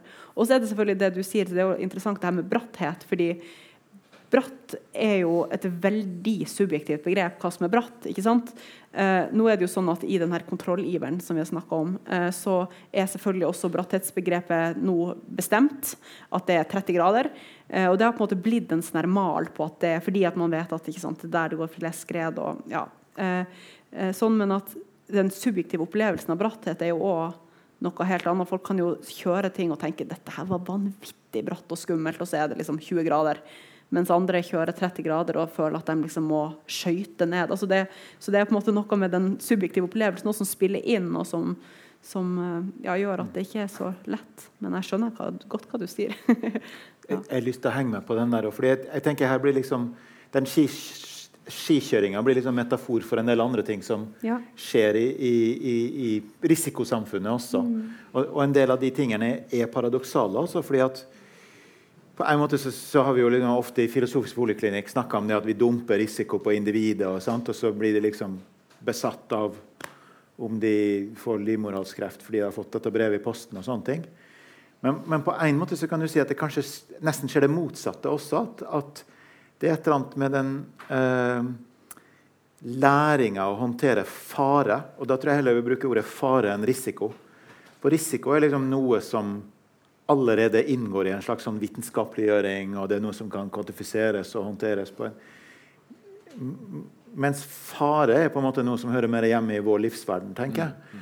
Uh, og det er klart at Alle disse systemene og, og, og hjelmene og alt det her gjør også noe med at man ikke blir trent til å håndtere fare på samme måte som før de kom. Og Nå argumenterte jeg ikke mot sykkelhjelmer de, eh, de, de er absolutt uh, for. Men jeg, jeg, jeg, har et sånt uh, bilde på netthinna av noe jeg, på, noe jeg ser på flyplasser, mer enn jeg ser det egentlig i norsk vanlig virkelighet, som er disse softhjelmene som du ser på ett- og toåringer av og til. Du, jeg har til gode å se norske foreldre, men jeg har sett andre europeiske foreldre som også utstyre barna med softhjelm i helt vanlige sett. Altså Hvis de hadde vært her, så hadde de gått med en sånn softhjelm. Ja, gulvet veldig hardt. Sant? Som betyr at uh, læringsprosessen for den ungen med hva skjer når jeg snubler og faller, den er stoppet. Den er faktisk stoppa. Og det tenker jeg Det er et eksperiment den type risikohåndtering fra systemet via foreldrene og via markedet, det er et eksperiment som vi ikke aner utfallet av. Også. For at, uh, det er et veldig ekstremt eksempel, men i, før møtet så satt jeg også og tenkte litt på og Det har jeg snakka ofte om. at ja, Hvordan var min barndom kontra mine barns barndom? Ok, Så jeg gikk ikke i barnehage, men mine barn gikk i barnehage. Og de kunne jo slå seg i barnehagen òg. Det kunne jo skje ting i den barnehagen. Men, men, hvis det skjedde noe i den barnehagen, så var det vanligvis noen av de andre foreldrene som ble veldig sint, for dette burde ikke ha skjedd. Og Da tenker jeg ikke på dramatiske ting. ikke sant? Jeg tenker på at noen forstuer noe, eller uh, slår seg veldig, eller uh, et eller annet sånt.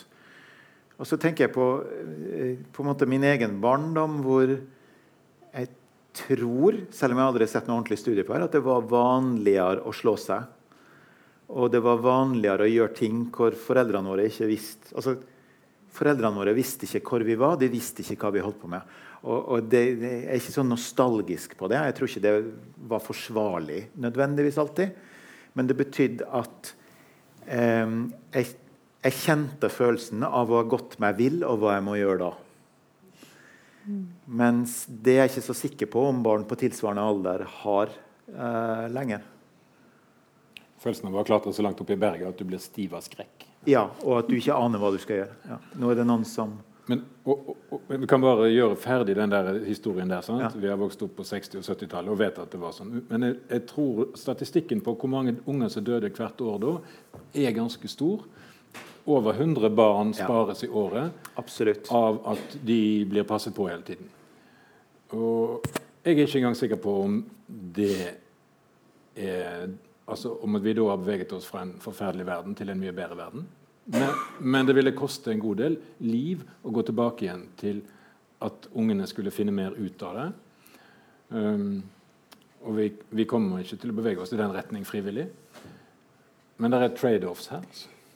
Ja, og jeg vil heller ikke si at det ene nødvendigvis var bedre enn det andre. Men, men vi er, er kanskje en... glad for at vi er overlevere. Ja. Ja. Vi er ikke av de som døde, ja. men vi lærte jo en haug med ting. Og, og, ja, Fint å være overlever uansett, men læringen av det sant? Det er sikkert derfor vi sitter her og er så kloke. Nei, du må få uh... Nei, det var en før.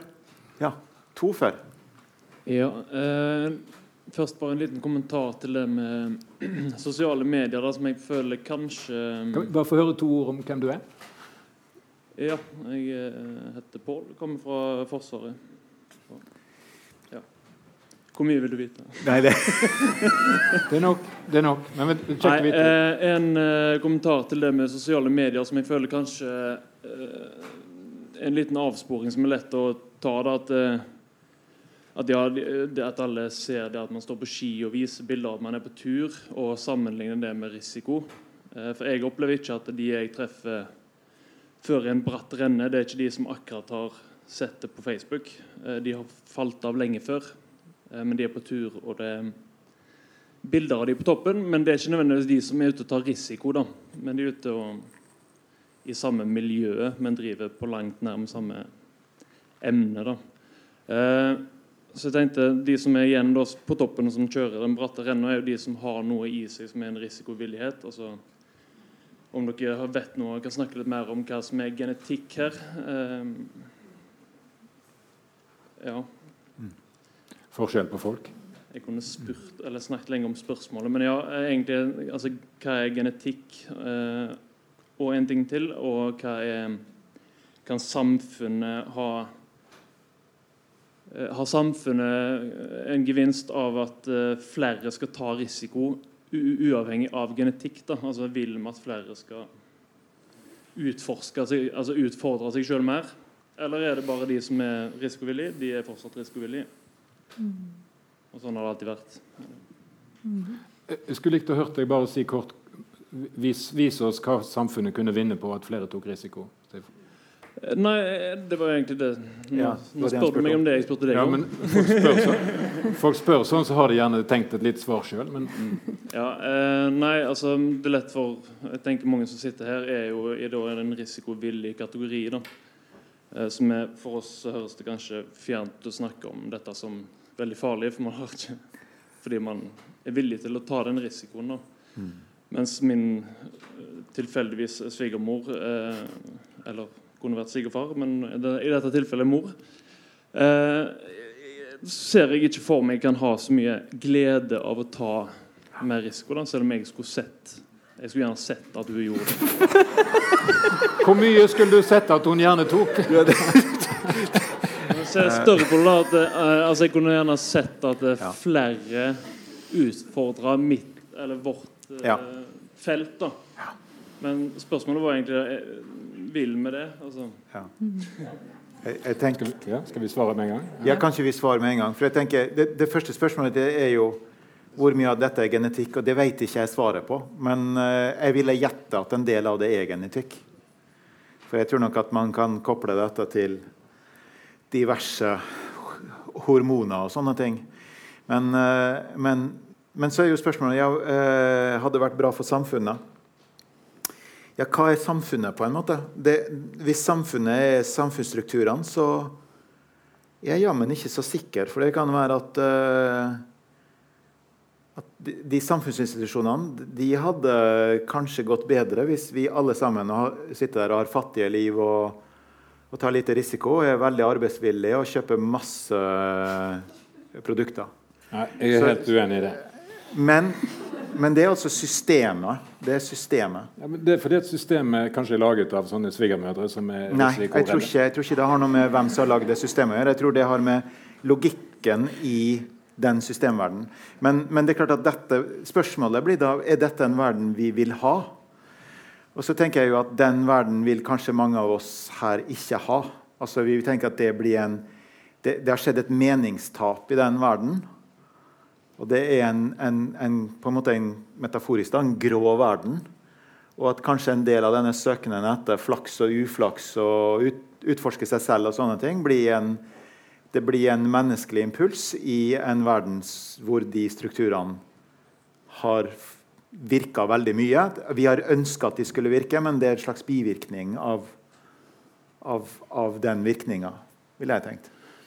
Jeg tror jeg vil eh, påstå Jeg gjør meg til talsmann for eh, eh, sånne som måtte mene at verden hadde vært bedre hvis vi tok masse mer risiko, lot ungene slå seg mye mer, lot noen av de dø, og det kunne vært meg, det kunne vært mitt barn. Eh, da ville mange flere av Alle de andre ville jo overlevd. Og de ville vært klokere, sterkere, flinkere på ski, eh, hatt større selvtillit, vært bedre likt av alle andre. Det ville vært en mye bedre verden. Ja, men det er noe annet enn om samfunnet ønsker det eller ikke, faktisk. Ja, samfunnet ønsker vi, ikke Nå må du skjære igjennom og si noe, eller, eller eh, at vi går til okay, neste. så, eh, Vi kan gå til neste kjapt. Jeg skal si, jeg vet heller ikke noe om det her med genetikk, men det spiller helt uh, sikkert inn. Men man vet jo en del ting om uh, kjønnsforskjeller, aldersforskjeller. Man vet at eh, unge menn mellom ja, altså under 30 for eksempel, er mye mer villig til å ta risiko enn eh, kvinner. Altså Man vet at hvis du ikke vil bli tatt i snøskred, så er det lurt å ha med seg jenter på tur. Det er gjort forskning på. Det er en del sånne type ting som eh, Enda en grunn. Eh, ja, eh, sånn at, ja, det er også noe der, da, men eh, så jeg kan ikke svare på det med genetikk. Men ja. Vi kan eh, ta neste spørsmål. Ja, eh, Petter. Lidenskapelig slakkjører på ski. Eh, med litt høydeskrekk. Jeg eh, hadde lyst til å kanskje pense over på et litt annet tema. Dere var litt inne på eh, risikovilje når det gjaldt egen helse. Eh, som nevrolog så treffer jeg jo mange grupper eh, pasienter. Jeg tenkte å trekke fram to eksempler nå. Det ene det er jo de som eh, spaserer med åpne øyne inn i alvorlig karsykdom pga. Eh, livsstil eh, eh, kombinert med gjerne genetikk, men tilsynelatende med åpne øyne inn i en svært farlig helsesituasjon som ender dårlig. Eh, På den andre siden så har vi pasienter som er så redd for å bli alvorlig syke at de blir syke av det. Det er jo på en måte de som du Edvin nevner litt, som går for mye hos deg, og noen av de blir så syke av angsten sin at de kommer til oss med alvorlige symptomer fra nervesystemet pga. helseangst. Eh, eh, jeg tenker dere Hvis jeg forsto det riktig, så vil, var det litt paralleller trukket mellom det å ta risiko på, i en bratt eh, skiskråning og det å ta risiko ved å ikke gå til doktor.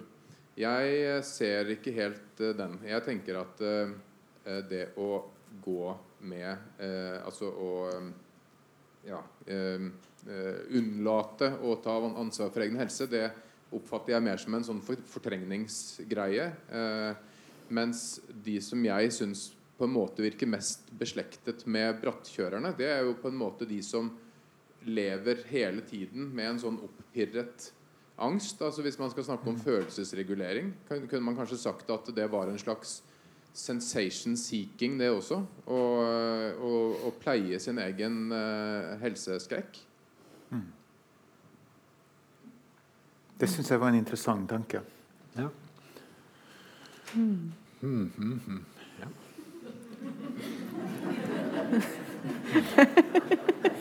Så, er ikke vant med at folk bare stopper opp og tenker seg om. Men jeg må jo tenke på det du sier der, Peter. Men um, jeg syns egentlig det er ganske vanskelig å sortere disse tingene. Jeg syns det var fornuftig det du sa. Jeg. Um, og jeg har uh, nylig sjøl gått og fått sjekket meg litt. Fordi min far døde da han var 55 år, så nå er jeg over 60. Nå vil jeg finne ut litt mm. hvordan ligger det an med, mine, med innsiden av mine blodårer. Uh, og jeg kjenner ganske nøye etter om det gjør noe med livsgleden og uh, stemningen min. Om det flytter fokus, sant? eller om, jeg fremdeles er en glad og leken gutt. Så, jeg er det. Det, har- det, har ikke, det har ikke tappet meg noe spesielt. Men, men det er jo helt beslektet med mange pasienter som jeg møter. Da. De gjør omtrent akkurat dette. Og det er hos de et ledd i en angst. Et ledd i en helseangst. Det ser helt likt ut. Men de kommer på en måte av feil grunn fordi det ligger en sånn helt annerledes vekting av uh, hvor viktig er denne legesjekkingen mot alle mulige andre ting i livet. Så det er noe med, med størrelsesforhold her, tror jeg òg. Vekting. Hvor, hva slags rolle spiller disse tingene i livet. Um, det kan bringes inn, tror jeg, at de som vet mest om helse, uh, for en vel si, iallfall mest om sykdomsrisiko, det er jo leger. Det er vi som har masse utdanning på det. Og i snitt så tror jeg uh, det er målt mange ganger at vi går litt mindre og sjekker oss. og ikke mindre opptatt av helse, men vi er mye mer klar over at helsevesenet har litt lite å by på. Vi må heller kjøre på ski sant? Og, og passe på å ha det bra. Eh, og det kunne jeg godt tenke meg å ha en type opplysningskampanje på det, som gjorde at vi fikk litt færre kunder. ja. Men, ja. ja jeg tenkte bare jeg skulle si eh, at jeg for så vidt er enig i det, det, du sier med at det kanskje ikke er akkurat det samme å kjøre bratt på ski og gå og, og sjekke seg hos legen. Jeg oppfatter det som to ganske forskjellige ting. Eh, men, eh, men, jeg tenker på det, det, du sier med at ja, noen går liksom med øynene åpne inn i ikke sant, eh, sykdom. Og, eh, men jeg tror eh, det kan jo godt hende at også, Da må man jo også spørre seg hvem med øynene altså, hvem sine øyne er det som er åpne? For det er det på en måte dine øyne som vet alt om dette, eller er det dem, det vi snakka om tidligere med Det er alltid en gevinst. Og selvfølgelig kan det være at uh, det, det, er ofte en grunn til at folk ikke sjekker seg. og det er klart at Når man kan mye om det, så er det lett å tenke at herregud, for noen idioter som ikke bare gikk og sjekka seg for dette. Det ville vært så lett. Og, men, men uh, ofte så er det jo det er jo ganske komplekse mekanismer, de der, så jeg vet ikke. Uh, at, ja, bare jeg, jeg tenker at uh, det, det, er jo noe med at alle disse tingene er veldig sammensatt. Uh, det er helt klart. Uh, og en ting som er så deilig med antropologifaget, sånn som jeg oppfatter det, det er at, at dere i mindre grad enn kanskje Helsefagene, det var kanskje å ta litt hardt, altså. dere er ikke dere er ikke så kjappe med å skulle sette merkelappen 'god' eller 'dårlig' på ting. Det, det tenker jeg. Det, det, er noe med at Først så må vi finne ut av fenomenene. Mm. Det, er liksom, det, er jo veldig interessant at det er jo veldig interessant at vi alle lever så sammensatte og til dels selvmotsigende liv. Mm. Med så mange ting som vi eh, både forholde oss til og fortrenge og ikke forholde oss til og forholde oss til på en ufornuftig måte en dag og en fornuftig måte en annen dag. Og sånne ting. Mm. Og så tenker Jeg at uh, jeg har brukt en del tid det siste året på å lese de taoistiske klassikerne fra altså gamle da, Kina 2500 år siden. Og en, en ting som er helt besnærende med en del av de, det er at de de liksom advarer mot, Det er to ting de advarer mot jevnt over. Det ene er at man må ikke forveksle verden med, med, med ordene på verden. Språk og virkelighet er to forskjellige ting. Språket vil alltid være fattigere. Det andre er at de, igjen og igjen så advarer de mot at vi eh, skynder oss og bestemmer oss for hva som er bra og hva som er dårlig. Så Det er en sånn jevnlig påminnelse om at det kan være lurt å holde igjen vurderinger av hva som er bra og, og, og dårlig. Uh, og det, det, er klart at det, det, er jo ikke så lett å forholde seg til når man jobber i et av de mange yrkene hvor jobben er å gjøre noe bra. Fordi at da må man forholde seg til hva som er bra og dårlig der og da. Men, men hvis man da forveksler det språket man får i den profesjonen, med virkeligheten, så får man et problem, for da har man ikke et språk til å snakke om den her også kan si, normative kompleksiteten. Da. Så det, det, er kanskje det vi kan gjøre her, er at vi kan sjonglere fram og tilbake mellom de språkene. Og, og, si at ja, men her er det en likhet, og her er en forskjell. Eh, men om man, har en, om man har likhet mellom to ting, og vi syns det er bra i ene tilfellet, så kan det fortsatt være dårlig i det andre tilfellet. ikke sant? Mm. Det syns jeg er veldig viktig du reklamerer for at vi, skal, vi, som lærere kanskje skal trene våre studenter til å bli flinkere til å lage en, en pause mellom beskrivelse og bedømmelse. Ja. ja. Det er jo det man sier på forberedende, egentlig, men så uh, på en måte ja. Um, ja.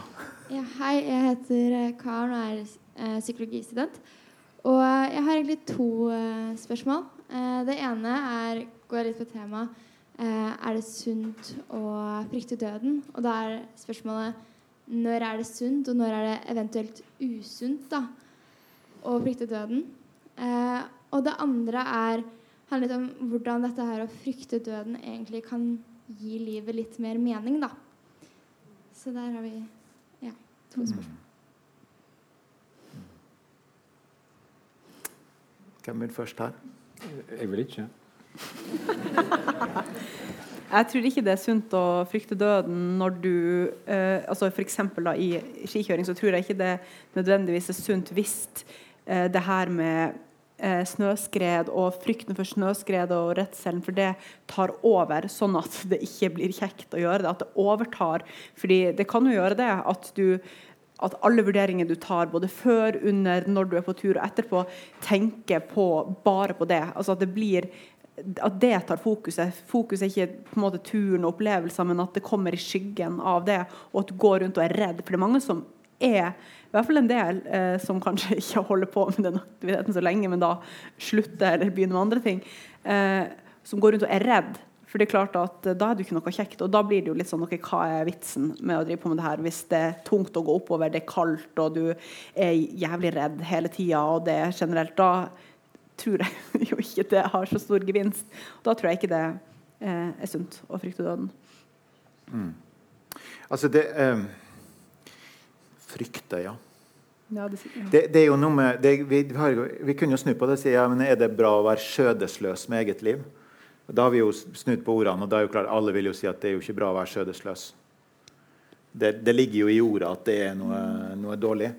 Uh, og når vi annonserte dette møtet, her, så fikk jeg jo noen sånne sarkastiske kommentarer fra noen av vennene mine. med å ja, så dere skal liksom anbefale folk å ikke ta vare på seg sjøl nå, da? Uh, og, og, og, det er jo klart at man ikke gjør. Og, men av og til så jeg, jeg tenker det er jo veldig interessant med de pasientene som du nevner, som, som på en måte synes å som du sier, spaserer rett inn i um, i stor risiko. Uh, og vi hadde et møte var det i fjor året før som gikk på dette med, med f.eks. overvekt og fedme som risiko altså fed, Alvorlig fedme da, som, som risikofaktor for helse. Uh, og jeg har hatt anledning til å diskutere det med, med ernæringsstudenter opp gjennom i årene uh, på Universitetet i Bergen. Og, og det virker som en del av ernæringsstudentene på en måte blir fortalt av noen da, kanskje, at hvis folk er hvis, hvis folk f.eks. har alvorlig fedme, så er det antagelig fordi at ingen har fortalt dem at det er dumt å spise veldig mye veldig usunn mat. Så de veit ikke det. Uh, og Det tror jeg ikke kan belegges med noe forskning. Jeg tror snarere det er tvert imot. Altså, de vet nok det. Og vi vet jo ganske mye om røykekampanjer og den type ting. Altså, altså, folk vet at det er usunt å røyke. Så, så, det er jo et åpent spørsmål hvorfor de gjør det likevel. da. Og så eh, sier de ja, de har alltid en grunn. sant? Det er selvfølgelig mulig at den, de grunnene er dårlige. Det, det kan godt være at, at f.eks. For forholdet til mat er dårlig, og man lider under det. Men man trenger faktisk hjelp fra noen til å, å gjøre noe med det. og Da, da er det jo et usunt forhold. Men, men, at det skulle være at de ikke veit det, det i, i, Norge i 2019, det tror, tror, jeg ikke skjer så kjempeofte, liksom. Jeg, jeg, tror at du sitter med noen lure tanker her som ligger bak spørsmålet ditt. og Det kan du tenke på om du vil dele med oss. Men skulle si noe nå, så er det tilbake igjen til den der eh, evolusjonstankegangen. Uh, så nå gir hun fra seg mikrofonen nå. Ja. Men men vent, Jeg skal si noe først. For jeg, jeg måtte tenke litt, Men det er noe jeg tror jeg kan si. Evolusjon tenker Det er en teori som er ganske holdbar. Uh, vi, vi, er overlevelsesmaskiner, så vi er jo genetisk utstyrt til å frykte døden. Så det er kanskje tyngdekraften, da. sant? Uh, alt vi gjør som er å spille seg ut og, og, og sette seg i risiko, det er liksom og Du strekker deg litt mot tyngdekraften, som er at du skal overleve, overleve, overleve, overleve få levert genene videre. og sånn. Um,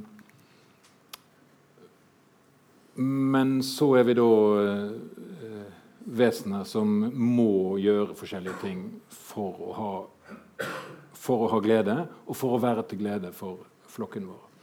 Så der ligger en, en type gråhet og ødeleggelse av forutsetningene for det gode i tilværelsen med oss sjøl, eller med, spesielt med de, de, som på en eller annen måte er knyttet til oss, ligger i for mye frykt. Og Der er det en spenning som garantert er uløselig, men sivilisasjonsprosjektet og poenget med å ha en sånn samtale som dette her, er at vi alle sammen kan gripe den spenningen der an, kanskje på en litt bedre måte. Hva vi nå måtte mene med bedre, men det er der bra for meg, bra for flokken bra for at vi også fremover skal kunne ha det bra. Det er en tidsakse i det også. Hadde du noe på lur?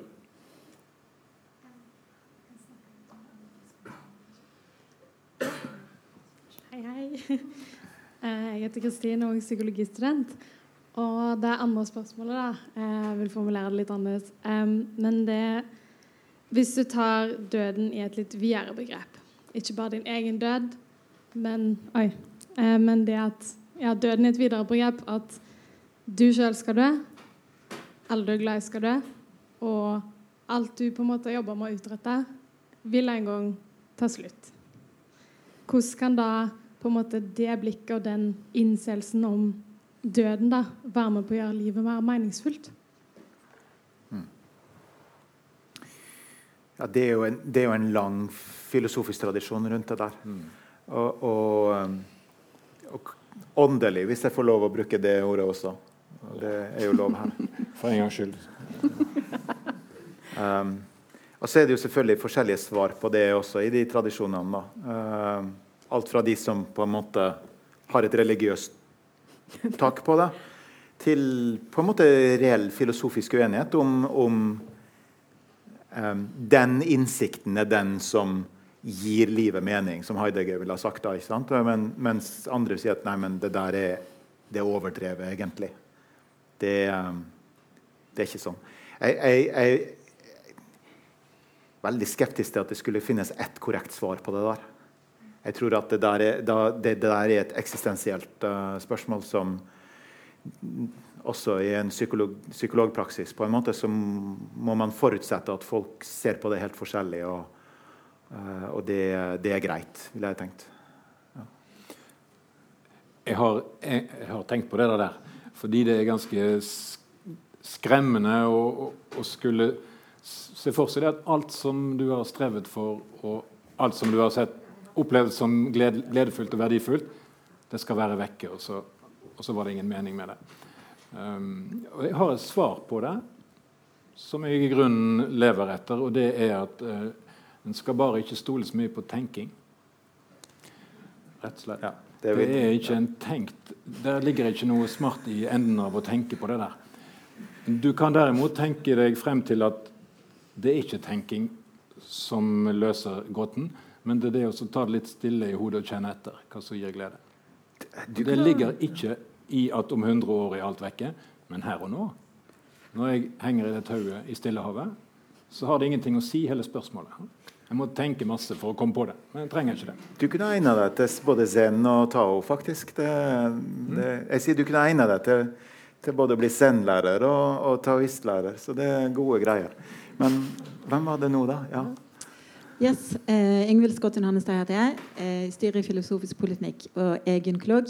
Er nok, eh, det var snakk om arv og miljø her. Jeg er nok genetisk utrustet med et ganske stort kontrollbehov, samtidig som jeg i tillegg er miljøskadd etter å ha jobbet på en fødeavdeling hvor du skal prøve å ta vare på to liv samtidig med en veldig høy, stor fallhøyde. Og det tror jeg kanskje preger litt min holdning til en del ting også. Um, når jeg hører um, deg fortelle om skikjøringen, og sånn, så tenker jeg at det er utrolig mye lek i det. Um, og tenker at Kanskje det har vi for lite av på veldig mange fronter nå for tiden. Og at veldig mye av den fysiske aktiviteten som man holdt på med før, og gå Eh, på tur fra hytte til hytte og sånn, det har blitt monopolisert av måte, sunnhetsidealer og pulsklokker og sånne ting som gjør at det, det blir en helt Det får et annet en, et alvor som man ikke kanskje ønsker seg, men man ønsker seg kanskje lek. Og jeg føler at det ligger at en del folk med litt mer opprør i seg, og som leter etter leken, som søker ut fra løypene.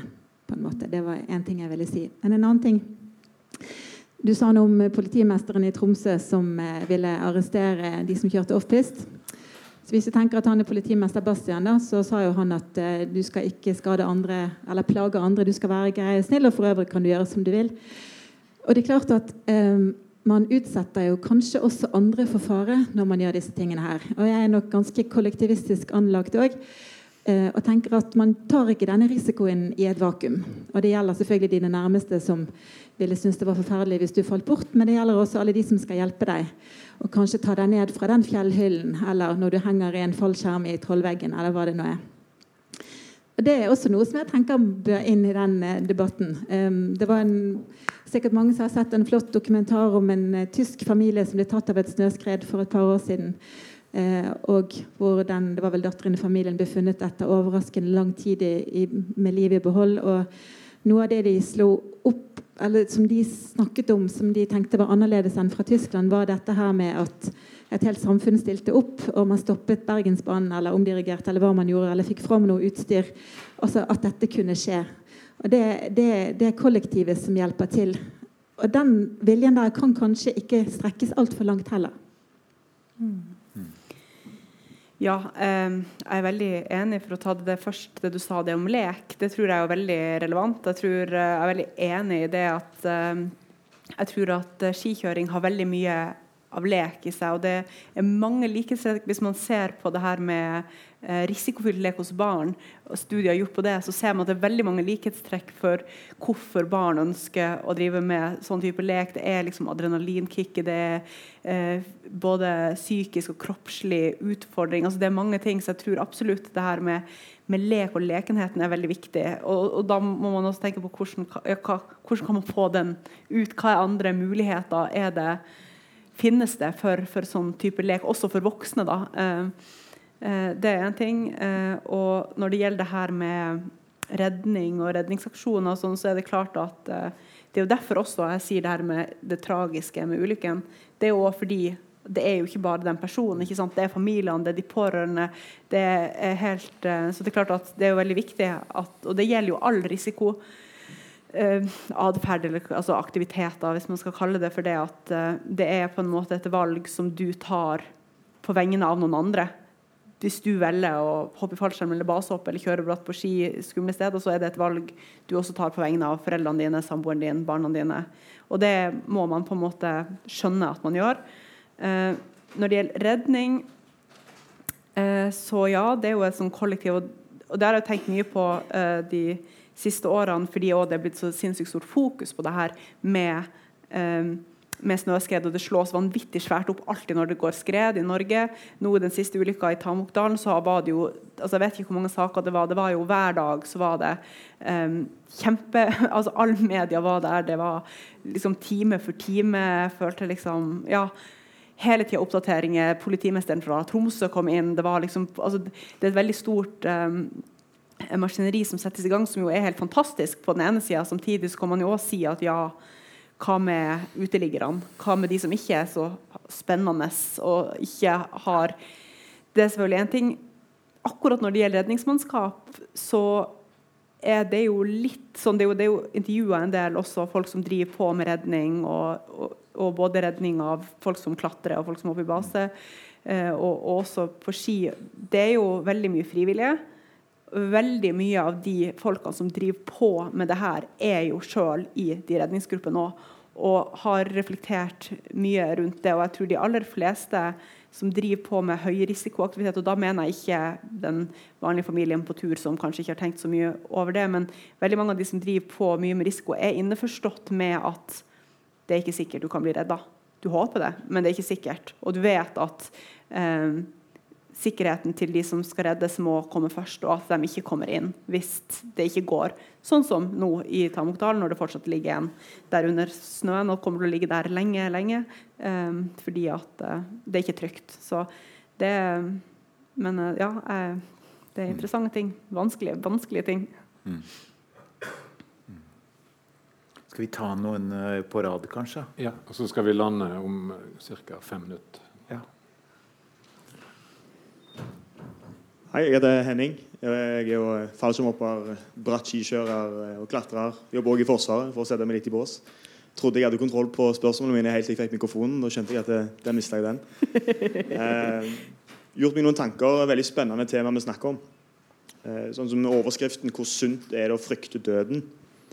Eh, og Det ble jo nevnt her at det er genetisk å frykte døden. Eh, men når den store, farlige bjørnen er vekke, så må vi finne andre ting. Det var en tanke som gjorde meg.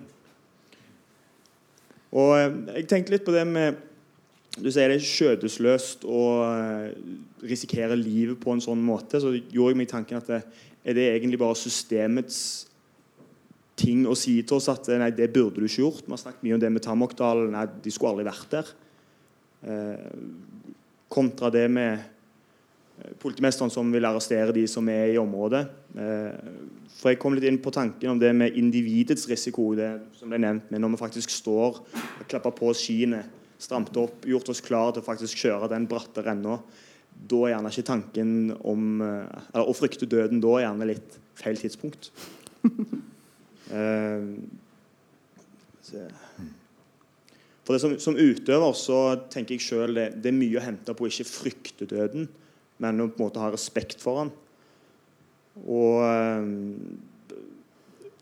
lurer litt på om som utøver om det er systemets feil at vi frykter den i det hele tatt. Fordi det skaper konsekvenser for systemet, problemer for systemet etterpå.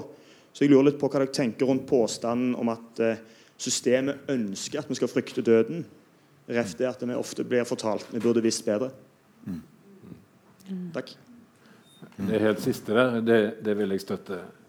Det er en tanke som jeg, som jeg tror er, er, er treffende. Sant? At systemet, som er sånn delvis ingen, eh, vil eh, tendere til å advare mot all, alle former for risiko. Og, og der syns jeg at også som lege sitter og ser en del kraftige skyggesider ved det. Um, og, og vi har, i, av en eller annen grunn så er det ingen som har snakket om bilkjøring og, og trafikk og sånne ting. Men der er jeg jo veldig for det. Og, og det merket jeg når jeg ble pappa. Um, jeg husker godt at min sønn lærte å krabbe når vi bodde en tid i Spania, hvor det var fliselagte trapper og gulv alle steder. Og um, da lot jeg han holde på masse på et sted hvor det var ett trappetrinn. Og når han hadde slått seg der et par ganger, så kunne han bare krype rundt alle steder hvor han ville. Ja? Og sånn har jeg gjort fordi det er helt nødvendig at ungene erfarer og lærer. Men med trafikken og bilene som har kjørt forbi utenfor huset vårt, så har det jo vært en, åpenbart at det er et annen type fenomen. Ja. Og du må være like streng som en hvilken som helst helsesøster. Sant? Og bare, her har du ingenting å gjøre, og det er døden i gryten og gå ut der når du er to år. Eh, så, det det, så, hvis det er rett, så er det altså klasser av fenomener som skal behandles helt forskjellig. Og det er kanskje at det sauses litt for mye sammen. Nå må vi høre det. Ta, ta mikrofonen mot munnen. Ja. Eh, jeg heter Jorunn. Jeg er idéhistoriker. Jeg bringer inn et, et annet perspektiv. Det er litt seint, men jeg gjør det allikevel. Det er jo et filosofisk spørsmål hvorfor vi av fri vilje bringer oss ut i livsfarlige situasjoner hvor vi vet at vi faktisk kan dø, og at det er noe vi velger. Og, og jeg har da undret på om det har noe med vårt urinstinkt å gjøre. I utgangspunktet så måtte vi gjøre masse farlige ting for å overleve. Vi måtte ut i skogen og fjellet for å hente mat, sørge for familie. Vi måtte passe oss for farlige dyr. Og når vi da ikke lenger har behov for å gjøre alle disse tingene, så oppsøker vi det. Nå kan du ta mikrofonen. Ja, det. Jeg er litt i samme gate der, men også på at det er individuelle forskjeller. For jeg tror du og jeg for eksempel, vi reagerer veldig forskjellig på det første bildet der du viste, tror jeg. At, og jeg tror mange i rommet med deg òg tenker 'å, topptur, veldig fint'. Jeg tenker høydeskrekk. Hvem kan ringe Sea King, Augusta Westland, hva som helst? For jeg vil ned. Det her skulle jeg ha godt betalt for å utsette meg for. Sant? Og jeg tror vi er veldig forskjellige i forhold til den gevinsten. Hva skal til for at vi opplever den spenningen og gleden? Og eh, også den fryktterskelen. For meg vil den ligge litt lavere enn hos deg, mistenker jeg. Mens Ja. jeg kan godt ri en tur på hest opp på fjellet, og det går veldig fint. Mhm. Men jeg tror også at dette henger litt sammen med evolusjon. Sant? At vi er forskjellig skrudd sammen. Og når vi ikke har mye reell fare og bjørner som går rundt i gaten, så oppsøker vi den spenningen på ulike måter. Og jeg tror det er veldig forskjellig fra person til person hva som skal til for at du får den fine balansen. da. Mhm. Spenning, men ikke ja, uttrykt følelse av eh, ja, livsfare. Ja, noen ville jo blitt livredd for den hesten. liksom. Tenkt at herregud, dette her Så jeg har en venn som kjører mye bratt på brett og alt mulig. Han kommer på besøk til meg i Tromsø, og vi har en katt. Og han er så redd for den katten, liksom. Og det er sånn, det er jo, altså Han er så redd, og det er jo en ja, ja, for relativt snill katt. Eh, men ja, det, men jeg er helt, eh, helt med på det. At det er klart at det er veldig forskjellig. Eh, både med erfaring og hva man har holdt på med lenge, og hvordan man, man tenker om det. selvfølgelig. Eh, Nå er vi på sluttrunden, er vi ikke det? Jeg liker at jeg avslutta med å snakke om katta vår. Om katta som ja. de var redd for. For jeg, jeg tenker det, det er jo noe fantastisk med det der. Ikke sant? For det, det er jo disse det, motsetningene og eh, ambivalensene og alt det her som, som liksom ligger i det å være menneske. da. Det er jo, det er jo noe veldig menneskelig ved å på en måte være så forskjellig eh, og, og så eh, og, og så tror jeg jeg er helt enig med det du sa der oppe, altså at, at eh, vi har institusjoner som Altså institusjonene, De moderne institusjonene er ikke bygd for å fremme emosjonell ambivalens. Det de, em, emosjonell ambivalens er et problem for moderne institusjoner. Og det er de, denne type mangetydighet og heterogenitet og liksom, alt dette med, med menneskene, det, det er hår i suppa for de institusjonene, rett og slett. Og, det, og det er klart at De institusjonene har vi lagd, de er en del av vår verden, og vi ønsker, vi ønsker dem. sant? De gjør gode ting for oss. Men det er ingen grunn til å tro at de alltid vil være bra for oss, og det er ingen grunn til å tro at vi skal kunne forholde oss til dem på en entydig måte heller. Så jeg tenker at det, det blir å leve med den der, det der paradokset, egentlig. At, at eh, så lenge det går bra på tur, så er liksom da, da, da klappes det. Og i det øyeblikket som du sa, i det øyeblikket noe går galt, så, eh, så får man høre at der skulle man aldri ha vært. Hvis det hadde gått bra, så hadde man ikke sagt at der skulle aldri ha vært. Og, og jeg tipper, Sånn kommer det alltid til å måtte være. Det, det kommer ikke til å være konsistent på den andre sida heller. Barbar, jeg ser du har gitt mikrofonen til én. Det må det være den siste. Jeg skal få ordet når jeg har sagt noe som vi var inne på i telefonen når vi forberedte oss. Jeg husker tror jeg, når de første begynte å basehoppe i Trollveggen. Uh, og Da kom den reaksjonen som politimesteren i Tromsø nå har fisket opp igjen. Som er at dette må vi forby. Sette Ja, tidligere, tidligere, Mm. eh, tidligere politimester. Ja, Nei, altså Ja, den tidligere politimesteren Ja. i Tromsø. Som gjorde det som du Ja, sa. ja. Ja, ja, sant? Men altså, den reaksjonen er jo en som kommer igjen og igjen.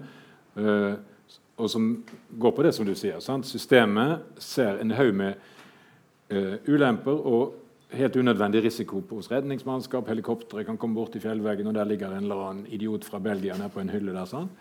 Og det må vi forby fordi det er ikke verdt det.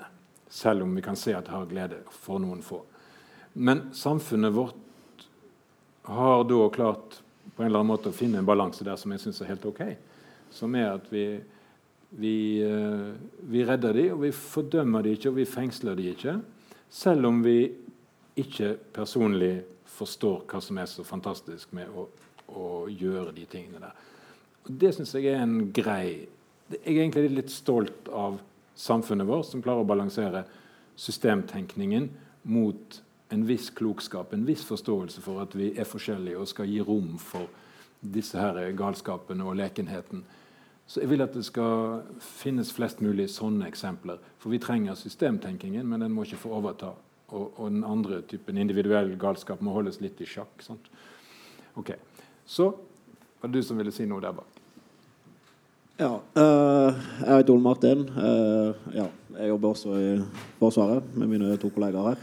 Så nå var de stilt spørsmål, så nå må jeg gå og fyre løs med et opp. Uh, jeg har i hvert fall en tanke om at vi ønsker å leve et bra liv og et godt liv um, for oss sjøl. Vi har folk som er nære, og som vi har veldig nært oss, men til syvende og sist så er man det sitt eget liv man lever, da. Uh, og vi snakker mye om risiko som er litt sånn risiko i nuet på det som man snørenner og trafikken og det som er nå. Men uh, jeg tenker også det er jo en risiko når du blir eldre, og om du våkner opp en dag når du blir 70 år gammel og tenker at skulle jeg gjort mer ut av livet mitt? Jeg, er det ting jeg ikke har fått gjort nå? Og er det da at jeg har vært redd for å kjøre den sida på ski, eller klatre det fjellet? Eller de, at man har vært for konservativ i valget da, pga. at frykten har styrt en tidligere i livet? At det, da er det en frykt at man våkner opp når man blir 70 år gammel. Og det er potensielt mulighet at det er mye igjen av livet ennå, men da sier det seg sjøl at det er en del sånn fysiske restriksjoner da, på at du får kanskje ikke gjort de tinga lenger. Ting som kanskje var din store drøm. Så eh, ja, jeg bare lurte på om dere hadde noen tanker eh, rundt det. Det er sikkert mange som kjenner til et veldig fint dikt som er liksom lagt i munnen på en, en gammel dame som som jo selvfølgelig eh, eh ikke angrer på de dansene hun danset, og de blomstene hun plukket, og, og, den type ting. Um, takk for det. Jeg syns det var egentlig fint, en fin påminnelse å ha her på slutten av dette møtet. her. Um, da vil jeg si takk til Maria. Om et lite øyeblikk så skal vi klappe for deg. Men først så er det sånn at det er altså et møte igjen. Og egentlig så håper jeg at det skal være rosinen i pølsen i denne, i denne vårsesongen i Filosofisk poliklinikk. For det er jo et spørsmål som nærmer seg toppen av eh, listen over aktuelle og brennbare debattemaer i vår tid. Uh, og det er spørsmålet om det, lov, om det, skal kunne bli en pasientrett å få dø med hjelp hvis situasjonen er satt på spissen og livet er svært langt fra å, å stå på en fjelltopp. Um, og Det er jo da spørsmålet om, om uh, barmhjertighetsdrap, eller eutanasi, uh, som det heter. Um, det, det, koker litt både i og litt over overflaten i, uh, i Norge for tiden når det gjelder det temaet der. og kanskje er grunnen at medisinsk teknologi har skapt så store forandringer i naturvilkårene. Det er mulig å leve utrolig lenge med en kropp som egentlig ikke har noe særlig overlevelsesevne. Og vi har både institusjoner og lovregler og intuisjoner som er skapt i en helt annen tid. Så kanskje er det sånn at det ikke passer så godt lenger. I alle fall så skal vi diskutere eutanasi her eh, onsdag 3.4. Og vi har invitert en nederlandsk filosof som heter eh, Like van der Schele. Scher fra Tvente universitet. Hun har i mange år jobbet som uh, sakkyndig i de komiteene i Nederland som er opprettet overalt, for å vurdere om denne ene uh, pasienten skal ha rett til å dø i forhold til det regelverket de har satt opp der. Og jeg tror det er mellom 2000 og 3000 i Nederland som, som dør uh, legeassistert hvert år. Det møtet kommer til å foregå på engelsk av naturlige grunner. Og jeg tror det, er, det, blir ganske viktig for mange. Jeg synes at det er en voldsom merkverdig tendens i Norge til å diskutere så fillene fyker, helt uten å sette seg inn i hva våre nærmeste naboer har erfart gjennom 35 år. Så det syns jeg godt vi skal tillate oss å høre på. Og så kan vi klappe for Maria og si tusen takk for at du kom.